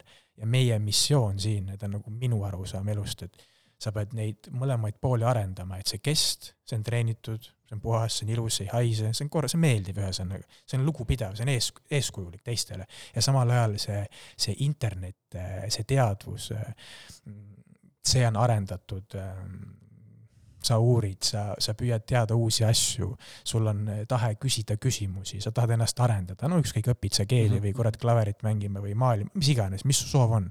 et sa arendad nagu seda ja siis ma leiangi, et inimene on nagu terviklik kujund kujutad ette, et no oma vaimusilmas praegu sul tekib ilmselt pilt, et noh, vaatad, võta mees või naine, vahet pole kumb, vaatad, ilus on ju, treenitud, näeb vikseviisakas välja, kõnetab sind füüsiliselt, sa vaatad teda visuaalselt, samal ajal kui ta räägib sinuga, sa mõistad, et ta räägib tarka juttu, ta on intelligentne, ta, ta kõnekasutus, ta, ta taktitunne, no mis iganes, eks ole, on ju, kuskil keskkonnas, seltskonnas, et ta suudab olla nagu ja see teebki inimesest inimese sellise maailma kodaniku, mis on minu see niisugune mm -hmm. ideaalversioon nagu, et noh, niisuguse täiusliku idealismi poole liikudes, et noh, et et sa saad nagu täisväärtuslikuks võimsaks kodanikuks, maailma kodanikuks, inimeseks. Ja siis ma neid nagu viljelengi, et läbi treeningu ja õppimise, noh, just nimelt õppimise iseseisvas plaanis, et kahjuks või õnneks no maailma suhtes kahjuks ma ei õpi nagu kuskil ülikoolis või mul ei ole nagu akadeemilist haridust, aga mulle meeldib iseseisvalt ennast harida hästi palju, lugeda, uurida, puurida internetist, raamatutest, suhelda inimestega, kes on targemad, kes tunduvad minu jaoks mulle targemad, et arendada just seda niinimetatud teadusosa, interneti osa nagu sellest, sellest lähtuvalt ja siis mm -hmm. füüsiline just on treening ja kõik muu, et mis sa sööd, kuidas sa treenid, kuidas sa liigud ja nii edasi et. Äh, tundub, et täna ei olegi, äh, ma ise ka ju nagu sinagi haridusetu äh, debiilik mm. -hmm. et äh, poolnoorelt niimoodi öelda saada, et ma arvan, näen, et täna tegelikult ei olegi see enam probleem, et kui sa ise oled piisavalt pädev ja suudad ennast noh, kus isegi, asi isegi ei ole, ma arvan, pädevus, vaid lihtsalt, kui sa oledki inimene, kes lihtsalt on normaalne ja tunneb huvi erinevate asjade vastu ja tahabki ennast arendada, siis paratamatult varem või hiljem sa õpid inimestest ja kogemustest ja, ja situatsioonidest ja sa ei pea selleks minema koolipinki nühkima küll aga ma ei tee siin koolipinki maha, et äh, midagi vaja õppida või tahad midagi omandada, siis noh, tänane süsteem on selline, et sa pead mm -hmm. mingites kohtades sissesaamiseks läbima mingid etapid, aga kui see sinu jaoks vajalik ei ole, siis äh, ma ei näe mõtet ennast ka nagu piitsutada või hukka mõista, et ma nüüd ei ole siin bakalaureuse või magistri või ma ei tea, mingi doktorikraadiga, et see ei ole tegelikult üldse määrav, vähemalt mitte isiksuse mõttes. absoluutselt. aga Äh, räägime sellest äh, sinu Kaialuksist. Ähm, et mis asi see bränd, brändliikumine Kaialuks oma olemuselt on, mille eest see või siis sina sellega seisad ja, ja kuhu sa soovid sellega jõuda? ma just äh, eile õhtul voodis olles mõtlesin selle üle uuesti oma ette kõva häälega arutlesin. Kaia luks, eks ole, Kaia tähendab maad, luks tähendab valgust, nagu maavalgus, Kaia luks. ja see on, see on ideoloogia ma just mõtlesin, et see ei ole teenus, see ei ole otsene produkt, kuigi seal e-lehel on olemas särgikesed, eks ole, mis on nagu produktid, aga ta on ideoloogia ja see ideoloogia seletabki ja, ja proovibki viljeleda sellist stiili, mida ma ise teen, et keha, meel, vaim, eks ole, see just, mis su esi-, mis su eelmine küsimus oli. et inimene on treenitud, inimene on viisakas, inimene on tark, inimene on lugupidav, inimene on äh, mõistlik, taktitundeline, edasi ja nii edasi, et ta, ta viljeleb sellist elustiili. ja kui ta iseennast nagu, noh, kuidas ma ütlen siis, armastab, tunneb ennast hästi iseenda kehas, iseenda meeleseisundis, eks ole, siis ta saab seda kiirata ka väljapoole. et see on selle Kaia Luksi nagu põhiidee, on ju. aga kuna see on nagu ideoloogia, siis ma ei ole nagu ma ei ole nagu kõiki süvi, süviti kõiki vastuseid sellele leidnud, et kuidas seda esitleda sellisel tasemel, et see ka inimeste teadvusesse jõuaks, noh. ja sellise algne idee teha sellised äh, T-särgikesed, kus siis on äh, planeet Maa logo peal, eks ole, noh, ma ise seal kannan seda särgikest äh, pildi, pildikeste peal, et noh, et inimestele näidata, näed, et meie, meie planeet, kus me kõik kollektiivselt elame, on kodu meie kõigile, seal ei ole vahet, missugust nahavärvi sa oled, kust sa pärit oled, mis sa sööd, mis sa ei söö, mis keelt sa räägid, mis su religioon, orientatsioon on, nii edasi, nii edasi. et idee on selles, et nagu mõista just nimelt nagu nüüd, kui me räägime planetaarses äh, kontekstis, et äh, planeet Maa on meie kodu, me peame sellest lugu pidama ja samal ajal iseendast lugu pidama, arendama iseennast.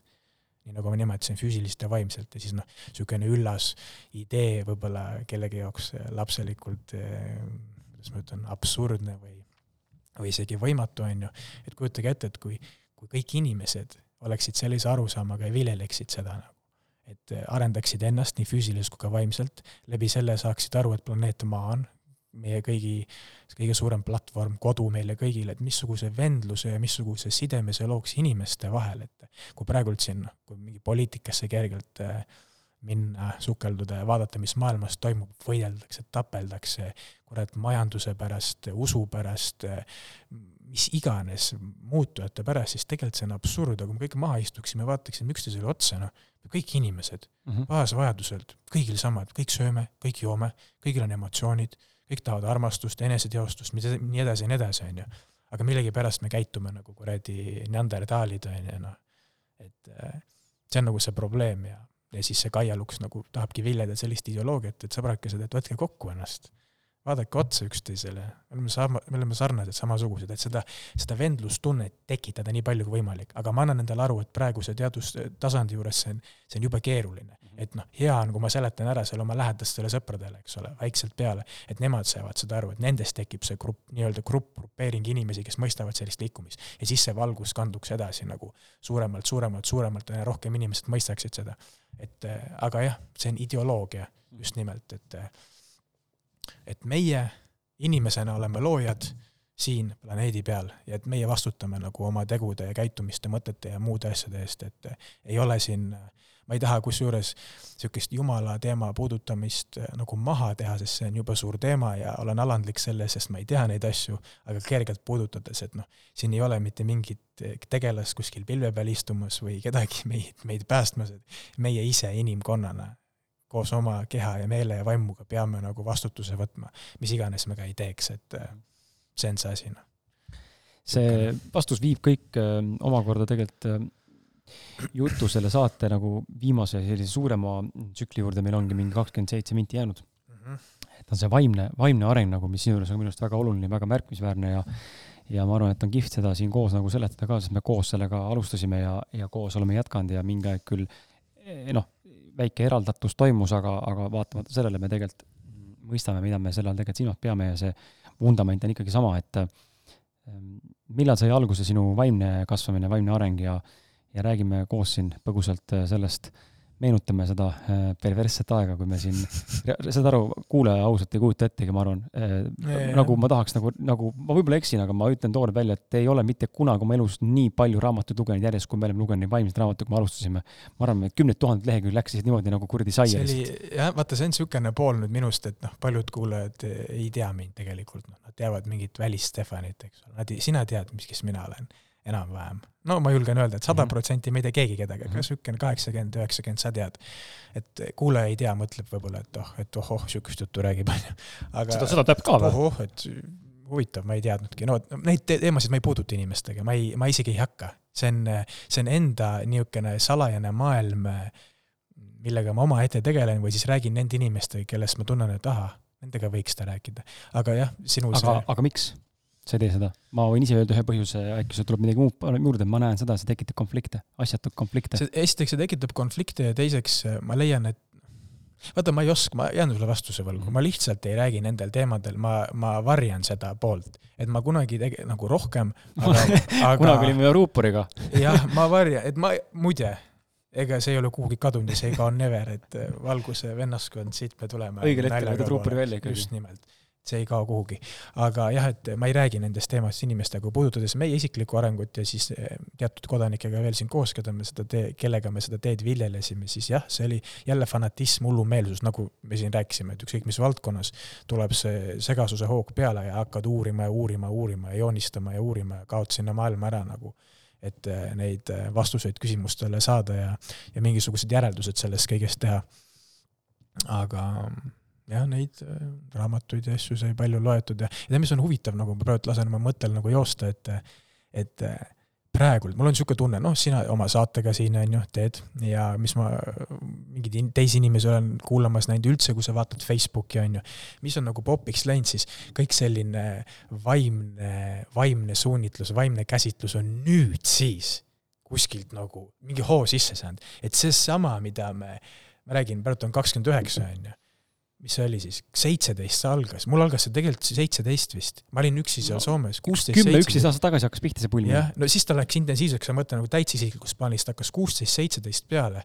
Ja siis äh, üheksateist, kakskümmend läks hästi intensiivseks, et me siis juba kammisime, noh jutumärkides on ju selliseid, selliseid et... Äh, teemasid ja asju, et noh, see on, seda ei saa edasi nagu anda. meid peeti debiilikuteks, on lihtne edasi anda no,. jaa, aga tänasel päeval näed, eks ole, et kõik on vist debiilikud. see on, see on mainstream ja see ajab mind, mingil määral ajab see mind närvi, sest et äh, ma näen nagu seda läbi, ma ei ütle nagu üldse, ma olen seda varem siin saates öelnud ka ja ma olen, ma väga paljude vaimsete inimestega absoluutselt ei nõustu ja, ja ma nagu tunnen kohe, kuidas seal on mingisugune selline kombitsatega mingisugune religioon või agenda on taga, aga lihtsalt mulle tundub, võib-olla ma eksin, aga minu lihtsalt nagu julge väide, mulle tundub, et inimesed ei küs-, inimesed ei julge ja ei oska küsida tegelikult küsimusi, vaid vaatavad kuskile nagu kõrgema poole alati, et saada vastuseid, aga neid vastuseid on ainult meie enda sees jah, võime saada ju välisinfot mm, -hmm. mingeid impulsse ja mingeid mõtteid, aga need põhivastused, kes me oleme ja mis elu mõte on ja need, need tulevad ikkagi meie enda seest lõpuks ja vahet pole, kuskohast need siis tulevad, kas, kus me pärit oleme, kus mitte, aga mulle tundub lihtsalt, et see nagu,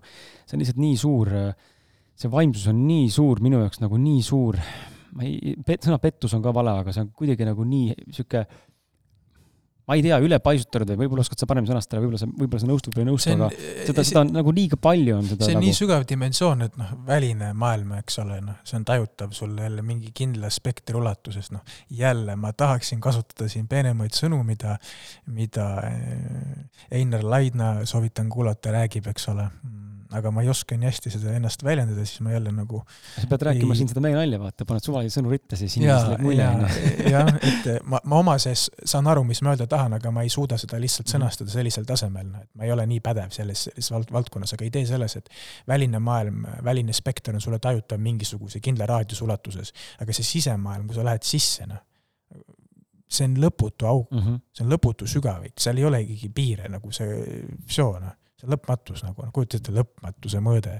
noh, mõtle praegu selle üle oma peas korraks, nagu mis pilt sul tekib. kui ma ütlen sulle, et mõtle kuradi koera üle, kapsa üle, sul tekib mingi kujutlus, on ju, nimisõna, aga ma ütlen sulle lõpmatus, noh, saad aru? teine vorm minu meelest no. on lõpmatusele samasugune, mis mul, vähemalt minul tõmbab juhtme kokku, on püüda mõelda sellise termini üle nagu stillness ehk siis nagu on ja ei ole ta nagu mm, -hmm. teda nagu ei ole, teda ei saa kirjeldada, aga ta on olemas mm, -hmm. nagu. jah, ta sobitub selle lõpmatuse kontseptsiooniga kokku, noh. et see on nagu mingi lõputu olek, nojah, ühesõnaga, sinna me kinni ei jää praegu. aga et sa saad sissepoole minna nagu sellistesse mõõtmetesse, noh. et see ongi see nagu vahe, et väliselt noh, näed sa mingisuguse raadiuse ulatuses ja sisse on see lõputu. aga võib-olla väliselt ka, vaata, Musk ehitab rakette ja muid, et paned raketi endale tagumikku lendad. lendad aga kas sa äkki suudad äh, tuua või tahad tuua või tahad jagada või meenutada, millised on sinu mingisugused sellised vaimsemad äh, kogemused või mingisugused noh, võib-olla ka paranormaalsed nii-öelda, ma ei tea, mis iganes tähendab inimese jaoks, aga midagi sellist, mis nagu tõesti on andnud sulle mõiku või aimdu sellest, et vot see on tegelikult olemas, see maailm päriselt, no me oleme sinuga koos kogenud igasugust. Mhm. mul tuleb meelde üks kohe, kui me Lasnamäel, me käisime, ma olen sellest isegi rääkinud siin varem ka mingis saates, et loodusega seoses me oleme Stefaniga nooremana siis noh, see oli ikka, me olime täisealised juba ja. aga seda ei saa edasi anda, ma juba seda tean. seda ei saa edasi anda jah, aga nagu, seda ei saa edasi anda. see on mõttetu selles suhtes, et vaata kindlasti nüüd kuulaja, eks ole, kes sa kuulad, ma olen suhteliselt veendunud, ükskõik mis inimene sa ei oleks, mees, naine, noor, vana, teil kõigil on mingisuguseid äh, anomaaliaid mm, -hmm. seletamatuid asju, mida te ei saa seletada ja kuigi te olete ratsionaliseerinud seda ümbert ja eest ja tagant, te ikka ei ole leidnud vastust, siis meil Krisiga on samamoodi olnud äh, selliseid äh, anomaaliaid, noh, ta siin tahtis puudutada, ma juba enam-vähem tean, mida ta tahtis puudutada. Täpikesed ja värgid, on ju, et seda ei saagi seletada, noh, et need on nii absurdsed et see on müstiline lausa, noh, ja see ongi selline vaimu müstiline mõõde, et see jääb omavahele ja, ja noh, nüüd, nüüd ongi see põhjus, et miks ma ei räägi neid asju, ma ei Aga viitsi, ma ei hakka lihtsalt, seal ei ole sa võtsid äh, seda, seda, kas sa seda mäletad, ma korra seda puudutan, kas seda mäletad, mis juhtus seal mu endise tüdrukuna, see on küll kaheksa aastat tagasi, aga ja. tema kortermajas seal paneelmajas. ja see lifti asi. täitsa jabur, saad aru, ma lühidalt nagu saan sulle öelda, mul oli, me olime koos ühes ruumis äh, Stefaniga ja ja meil mõlemal tekkis, ilma et üks, üksteisega oleks rääkinud, üksteise otsa vaadanud, aga tekkis tänu ühele sündmusele, mis seal juhtus, seal parandas siis või trepikojas on õige sõna, paranda venekeelne sõna vist, et mis seal siis juhtus, oli see, et mul mul, mul kadus lambist nagu tasakaal ära ja mul ei, ma astusin nagu idioot seisval, nagu, saad aru, sul on silepõrand ja siis sa astud eh, nagu noh, kuidas, kuidas ma seletan seda inimesele, nagu suur, suure sammuga nagu üle mingisuguse ülikõrge kasti või kivi nagu niimoodi nagu mingi debiilik nagu kuul kõnniks ja, ja reaalselt tekkisid mingisugused siuksed tunned nagu, et kõik hõljub ja kõik ringi ja mõlemad kogesin seda ja seda ei saa seletada mitte kellelegi, sest et, sest et keegi teine ei olnud seal lihtsalt. nojah, et see on, see on üks selline asi, et äh, pidasin silmas seal veel neid erinevaid mõõtmeid, noh. Lasnamäe, no jah, jah. jah, jah, aga no ma ütlen, et need ongi sellised, need ei ole nagu jutuvaldkond, et mul on, mul on äh, mõned vanemad sõbrad, et me nimesid ei nimeta, üks äh, sihuke täitsa, täitsa vanemat vanemat masti härrasmees, kellega ma sellistel teemadel arutlen anomaalsete asjade üle, et noh, et niisugune väike ring, eks ole, inimesi, kellega niisugust asjadest rääkida, et enamus inimestega sa ei puuduta selliseid asju, sest sellel noh, ma ütlen, seal ei ole nagu mõõdet ja noh, eriti niisugust mm -hmm. praktilist meie igapäevamaailmas, et noh, pigem mitte, et ainuke praktiline mõõde, mis vaimsetel lastel ongi, ongi tegelikult see, mis me rääkisime jutu esimene pool, kogu see treening ja enda psüühiline seisund ja et sa saad midagi sellega nagu ära teha, et see süviti hardcore selline vaimumaailm see on, ma olen isegi tegelikult jõudnud järeldusele, et eh, teatud vanuses võib-olla ei ole vaja seda nii palju torkida, et kui sa oled vanem meesterahvas, naisterahvas, su elu on tehtud, sul on pere, sul on, eh, kõik on fine, kus sa elad, millega sa tegeled, et siis puudutada nagu eriti sellist eh, süvafilosoofiat ja vaimumaailma, et noh, ta võib hakata sind segama, et kui sa liiga noorelt sellega tegelema hakkad, et just nimelt segamas selles plaanis, et mis sa siin tahad saada. aga kui sa suudad need kokku sobitada, siis ongi korras, aga tihtipeale nagu sa tead, äärmused seisavad eraldi, et noh, see süvi, niisugune hardcore äh, vaimumaailm jutumärkides, noh, see ei, see ei sobitu kokku nagu praktilise maailmaga siin. aga noh, oskus neid jälle, on ju, nii-öelda sõbraks omavahel teha, see on eraldi. aga noh, see on nagu öö ja päev, eks, et öösel magad ja päeval oled üleval ja samas vahepeal päeval ka oled magama, oled öösel üleval ma olen selles mõttes nõus jah, et äh, kui ma peaksin enda nooremale minale midagi võib-olla äh, soovitama ja siis ma vist äh, ütleksin, et ära võta palun neid raamatuid kätte, mis sa võtsid, kui sa olid kaheksateist, üheksateist, et natuke, lase natuke settida ja ela natukene, enne kui sa hulluks lähed, sest et ma ütlen ausalt, mind mingi hetk hakkas see ikka kammima korralikult ja mul on siiamaani täna siiamaani täna ma tunnistan, on hetki, kus, kui ma langen kellegagi diskussiooni või kas elukaaslasega või sinuga aeg-ajalt või, või kellega iganes või loen mingit teemat, siis vahepeal tekib see tekib äh, väga tugev selline tunne, et mida vittu ma üldse teen siin mis mõte seal kõigil on? see nagu, see läheb nagu nii sügavaks, see, see siis sa jõuadki ainult praktilisse mõõtmesse, et selles küsimuses sa jõuad praktikasse ja teed mis iganes, kes teeb sporti, kes teeb raadiosaateid, ma räägin, kes müüb uksi ja aknaid, noh, vahet pole, põhiline, et sul on oma kirg mm. -hmm. see ongi see, see lõpusoovitus. igal inimesel, mis ükskõik mis see ka ei oleks, peab olema oma kirg oma fanatism ja kirik, see toobki selle teatud kaifi sulle, kui sul see puudub, vaata siis on probleem, kui sa lihtsalt hõljud, noh. et umbes no oh, ma käisin tööl ära, vaatan telekat, noh. see on pistets, vabandust väljenduse eest. ma ei tea, see peab enda sees olema. et või siis, või siis, või siis proovidki erinevaid asju, aga nüüd tulebki see fanatism mängu, et see fanatism tekitab selle kire mul on see sport ja, ja, ja psühholoogia ja vaimumaailm huvitab, on ju, et sul on, igal inimesel on mingi oma, kus ta, kus ta kaob ära, kus ta saab olla nagu. et eh, ma tean, et on palju inimesi, kellel ei ole sellist asja, nad ütlevad, no ma ei teagi, noh. ega mul on nagu selles mõttes, et edukaid sõpru ka ja ma küsin nende käest, et kuule mees, et see, millega sa tegeled, sind nagu huvitab ka või? no ja naa jaa, et raha saab teenida, eks ole, mis on fine, teenid raha, aga tegelikult, mis sind huvitab? Siis kui noh, ma saan inimestega sina peale tegelikult noh, heade inim-, tuttavatega, siis tuleb vastus, et tead, Stefan, et ega ma ei tea, mis mind huvitab. saad aru, ma saan niisuguse vastuse, et ma ei tea, mis mind huvitab. ja nüüd ongi naljakas see, et noh, see on probleem tegelikult. see on kurb. see on väga, see on väga suur probleem, et tegul see raha rahaks, on ju, et kulutad ja kulutad veel rohkem, mida rohkem saad, seda rohkem tavaliselt kulutad, samamoodi haigus, eks ole. aga nagu aga nagu see, et mis sind päriselt siis huvitab, nagu see on see küsimus, aga enamus inimesed, ma julgen öelda, ikkagist jõuavad selle järelduseni võib-olla elu teises pooles mm, -hmm. noh, kui elu on antud pikalt, eks ole, et viiskümmend, kuuskümmend äkki, et mis neid nagu päriselt huvitab. aga kui sa seda teada ei saa, siis see on ikka päris jõhker, noh. Mm -hmm.. et jah. Äh, toon siia klassikalise mõtte juurde ähm, või küsimuse, et sa võid äh, vastata sellele ka nii, kui oskad ja lihtsalt huvi pärast, et mis on elu mõte? Täna tänasest perspektiivist lähtuvalt, mis on elu mõte, äkki sa mäletad, mis on elu mõte, kui sa olid noorem, äkki sul on mingi mõte meeles ja kas see on muutunud, seda oleks ka huvitav teada. ma võiks ju tsiteerida siin erinevaid klassikuid ja kõike aga vaata, sa küsisid nii haige küsimuse, et äh, selle üle ju võib ju, võib ju juurelda ju lõputuseni. võime siin kümme tundi rääkida sellest. ma räägin, ma pean nüüd valima, mis ma ütlen, onju. ütlen ma nii või ütlen ma naa.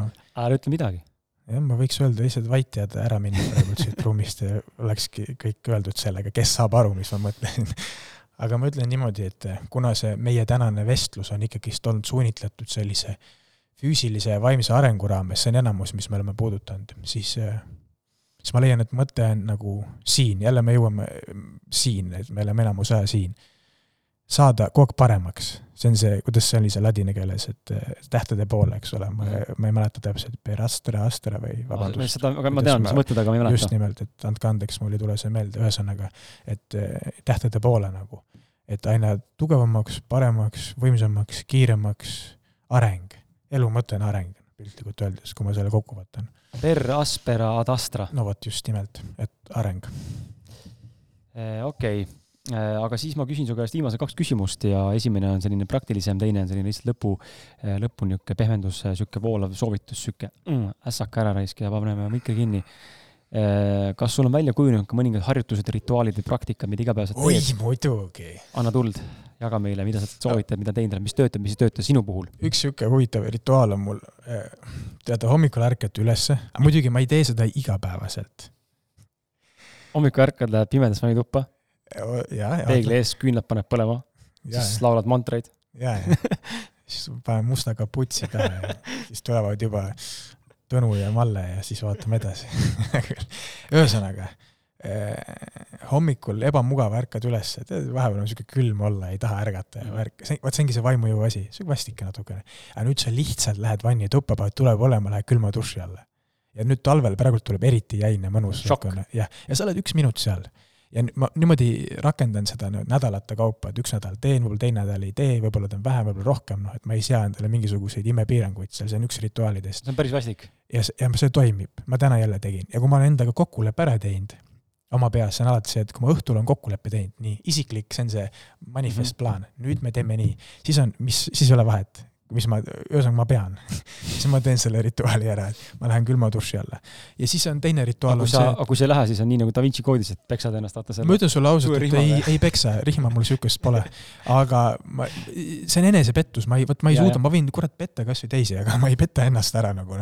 see on kõige nõmedam, kui ma ennast ära petan. kuigi eks meil kõigil ole sedagi ette tulnud. aga just enese sees, et ma lubasin endale mm. -hmm. Ja, ma, ja nüüd ma ei teinud, aga noh, jah, teistes valdkondades küsimuses moraal ja eetika, see läheb, see on eraldi teema, me võiks jutustada sinuga moraalsete, moraalsetest ja eetilistest väärtustest eraldi saate kui viis tundi. aga seda praegult ei jõua. aga üks rituaal, mis ma veel teen, on, see on juba aasta, kurat, ma tahtsin öelda aasta sadu, ma nii vana ei ole, aga no kümme aastat kindlasti, ma teen suhteliselt iga hommik kõhulihaseid. see on mingi, mingi kiks ma teen lihtsalt eh, sada korda tavaliselt kõhulihased läbi või rulliga, tead see võimlemise mm -hmm. äpuil mm, -hmm. selle rulliga. et see on nagu mingi teema, et kunagi ma Bruce Lee'd eh, uurisin ja pakkus mulle, inspireeris mind, siis ta ütles, et ta tegi kõhulihased kogu aeg, noh. ja siis eh, see on üks niisugune teine asi, mis ma nagu hakkasin mõtlema rituaalidest, et jah, need on nagu põhilised niisugused aga kuidas raamatu lugemisega paljud teevad, kirjutavad päevikut ja loevad iga päev mingi kümme lehte või tund aega või kuidas sellega on? ja vot näed, eks ole, sa valgustasid mind juurde ja aitasid mind iseenda peast natuke edasi mõtlemaks, et absoluutselt eh, vaimselt, eh, vaimselt, vaimsest perspektiivist lähtuvalt ka. ma loen, aga ma ei loe niimoodi enam nagu sellisel tasemel nii närviliselt, et mm -hmm. võtaks nüüd selle mingi imeraamatu kätte ja ühe korraga läbi. ja ühe korraga läbi, et ma ma vaatan teda peatükkide kaupa, sest mul on mingi niisugune tunne tekkinud, et mul, noh, mul on huvitavad isiklikud niisugused veel sügavamad huvid, mis ma tunnen, et ma ei leia enam raamatutest, mul oleks vaja mingeid salaraamatuid ma ei, ma ei viitsi seda pealiskaudset igapäevapsühholoogiat lugeda mm, -hmm. see on nagu, siin on selge juba, see on nagu, me oleme nii palju kamminud seda, ma tahaks midagi muud, vaata. ja nüüd ongi, et äh, seda muud on raske juba leida, aga tagasi tulles jah, et ma loen mm, mingisuguseid äh, raamatuid, teadust, filosoofiat mulle meeldib lugeda. aga see ei ole nii rituaal, pigem see lugemine mm -hmm. pole rituaal, et ma, et rituaali silmis ma paneksin just selle füüsilise tegevuse mm. -hmm. ja see mediteerimise osa, keegi küsib, siis noh, see on ka suur küsimus, mis see üldse tähendab, on ju, et tuleb välja, et ma tegelikult juba kümme aastat tagasi mediteerisin Neist. enda teadmata enda teadmata mediteerisin, ehk siis tegelikult ma teen seda ka, et ma mõnikord laman lihtsalt enne magamaminekut või vabal hetkel pikali selili maas ja ma lihtsalt olen niisuguses mingis olekus nagu ma ei mm -hmm. tea, kuidas seda nimetada, see on mingi, mingi olek mm. -hmm. jah, ja siis see on ka rituaal nagu, need on põhilised ehm, viimane küsimus, kui sa peaksid soovitama ühe või kaks asja podcast'i kuulajatele, kes meid täna kuulanud on ja midagi sellist, mida me ei ole siin puudutanud või mida me ei osanud küsida või mida sa tahtsid öelda, siis mis see oleks? lõpusõnad. lõpuvaha, vaata, lõpuossa säilitage alati enda isiklik mina. et äh, ükskõik, mis teile keegi ütleks, vanematest kuni kõige armsamateni välja, siis säilitage alati oma isiklik mina ja ärge laske nagu, tähendab, noh, ma ei taha öelda nüüd niimoodi, et et pange plokid ette igale poole, vaid oma nagu mina individu-, individuatsiooniprotsess, et tekiks indiviid inimesest. et ei oleks ainult see kamba, kamba liikme teema, sest et kambas ei ole indiviid, kambas tekib kamba vaim. Aga et inimene oleks indiviid ja püüaks individuaalse sellise täiuslikkuse suunas liikuda, et see on nagu, see on nagu minu soovitus, eelkõige just sellepärast, et on väga palju inimesi, kes lasevad ennast mõjutada igasugustel välistel faktoritel, me kõik laseme, see ei ole küsimuski. aga et sul jääks see oma põhimõte, noh et noh, et kui keegi pakub sulle tupsu ja mu põhimõte, ma ei tee seda, mind ei huvita, noh, siis ma ei tee aga ma ei hakka seda sellepärast tegema, et oi kuradi, Triinu on nii ilus, noh, ma tahaks temaga minna kuhugi, aga ta ütles, et tee, siis ma järelikult teen, ei mm, -hmm. ma ei tee seda. et see on see asi, et ma tean, et sul on ka see omadus olemas. sulle ütled, et Krist, läheme, ei, me ei lähe, mhm. lähme. Ei, me ei, me ei lähe. Ja siis me ei lähegi. Et see on, see on see soovitus inimestele. Aga see on äh, üks asi, mis on tõesti huvitav, et sa välja tõid see niimoodi, et see on tõesti huvitav, mis mul on, ma arvan, et see on ka põhjus, miks sa mulle inimesena nii väga meeldid, et seal on see noh, neid põhjusi on palju, aga see on üks nendest põhjustest, et seal on mingisugune noh, ma ei tea, kust see tuleb, aga see on lihtsalt, see, lihtsalt, see on lihtsalt nii kindel, et, et, et kui miski läheb täiesti vastuollu, siis lihtsalt ei, ei on konkreetne ei, no siit ei saa mööda lihtsalt, sa võid, ma võin enne ära surra, aga ma ei tee seda lihtsalt. noh, ei, ei juhtu, noh, üle minu laiba lihtsalt. ja, ja, ja see ongi huvitav, kust tulnud on, ma ei tea, mind ei ole keegi õpetanud või, või no, see lihtsalt tuleb seest. eks sul on ka paps sihuke omamoodi no, tegelane. ühesugused natuke on, nad on jah. sealt need tulevad. mäletan isegi jah, seda, kuidas jah, midagi ei osanud, siis latek vastu pead lihtsalt said ja no, see on normaalne. päeva lõpuks tänad veel? ei, muidugi tänan aga okei okay,, väga äge. Äh, kust sind jälgida saab, kust saab trenni tulla ja, ja mida me vaatama peame? sotsiaalmeedia reklaam sotsiaalmeedia reklaamist nii palju, et Instagramist leiate mind minu enda nimega üles, Stefan Järv. trenni informatsiooni suhtes Facebookist SJ Fitnessi alt ja samamoodi mm. siis äh, minu enda nimi Facebookis, et keegi soovib kirjutada, siis need on kaks kohta, kus saab ühendust võtta. ja enne kui me täitsa purki paneme, siis saate lõpus on äh, väike kingitus ka sulle, kaks tegelikult isegi, ma olen sulle kaasa võtnud. esimene neist on param, mul on sulle meie riideskotid.ee partneri poolt välja pandud ausad meestega logo, äh, logoga kott, äh, Recy-, Recycle one hundred percent mhm. äh, ostukott. saad riputada või minna trenni pesema sellega või ma ei tea, mida iganes teha tahad sellega või lihtsalt panna kuskil kappi seisma. Mm. ja teine asi on sulle raamat ehm, see on, ähm, kuna sa oled praegu sotsiaalmeedia maastikul tegutsema asunud ja üritad äh, seal ennast üles ehitada ja igal juhul siit infot tuleb sulle, ma arvan, kasuks, siis Gary Vaynerchuk, äkki oled kuulnud, kes on üks tuntumaid sotsiaalmeedia gurusid, neljakümnendate lõpus olev meesterahvas, kes on miljardite äride ülesehitaja, ta on reaalselt sotsiaalmeedia jumal, vaata mis platvormi tahes, ta on igal pool, on tal hunnik miljoneid jälgijaid ja ta on väga äge vend, kes äh, suudab äh, õpetada, kuidas luua content'i ehk sisu ja jääda autentseks ja olla sina ise, aga samal ajal tekitada endale käivet ettevõtlust ja kliente ja muid asju juurde, nii et raamat äh, nimega Nii lüüakse läbi, raamat sellest, kuidas edukad ettevõtjad kasutavad oma äri ja mõju ning kuidas ka sina saad seda teha ja kõik tiirleb sotsiaalmeedia erinevate äppide ümber. ahah, suur aitäh sulle! see on siis Miljon, Miljon Mindset kirjastuse poolt ja ja ei olegi midagi, et äh, sulle ka hea kuulaja meeldetuletuseks, kui saated meeldivad, siis mine vaata ka miljon.ee või kriskala.com ja leiad üles raamatu, mis alles ilmus äh, kontaktis endaga, minu lehelt saad selle autogrammiga, miljonist saad selle ilma autogrammita, hinnaks seitseteist üheksakümmend viis. Smart Post, vabandust, TPD on hinna sees. Äh, ja egas midagi, kui on huvi, soovi, siis mine telli, saad teada, kuidas jõuda paremasse kontakti endaga ma garanteerin, et et selle raamatu lugemisel sa mingi mõtte kindlasti saad ka. ja kui tahab mõnda teist raamatut vaadata, siis Äh, ausad, äh, ausad mehed või mehed või ausad neid kolm tükki, palun proovime, pean välja otsima, on kood Miljon Mindseti kodukale, kasutada sooduskoodi, siis saad natukene soodsamat raamatut osta. ja ma tänan sind, Stefan! suur aitäh kõigile!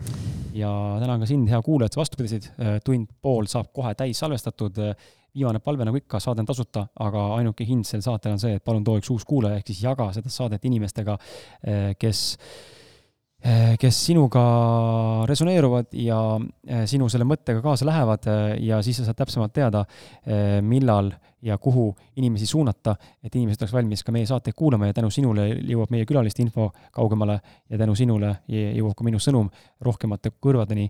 nii et äh, anna mulle teada ja tee endast parim, leia uus või tähendab, too mulle üks uus kuulaja ja egas midagi, kohtume sinuga järgmises episoodis äh, ja naudi seda outrot või meie meloodiat ja ja, ja, ja nii on. järgmise korrani, tšau-tšau. Arrivederci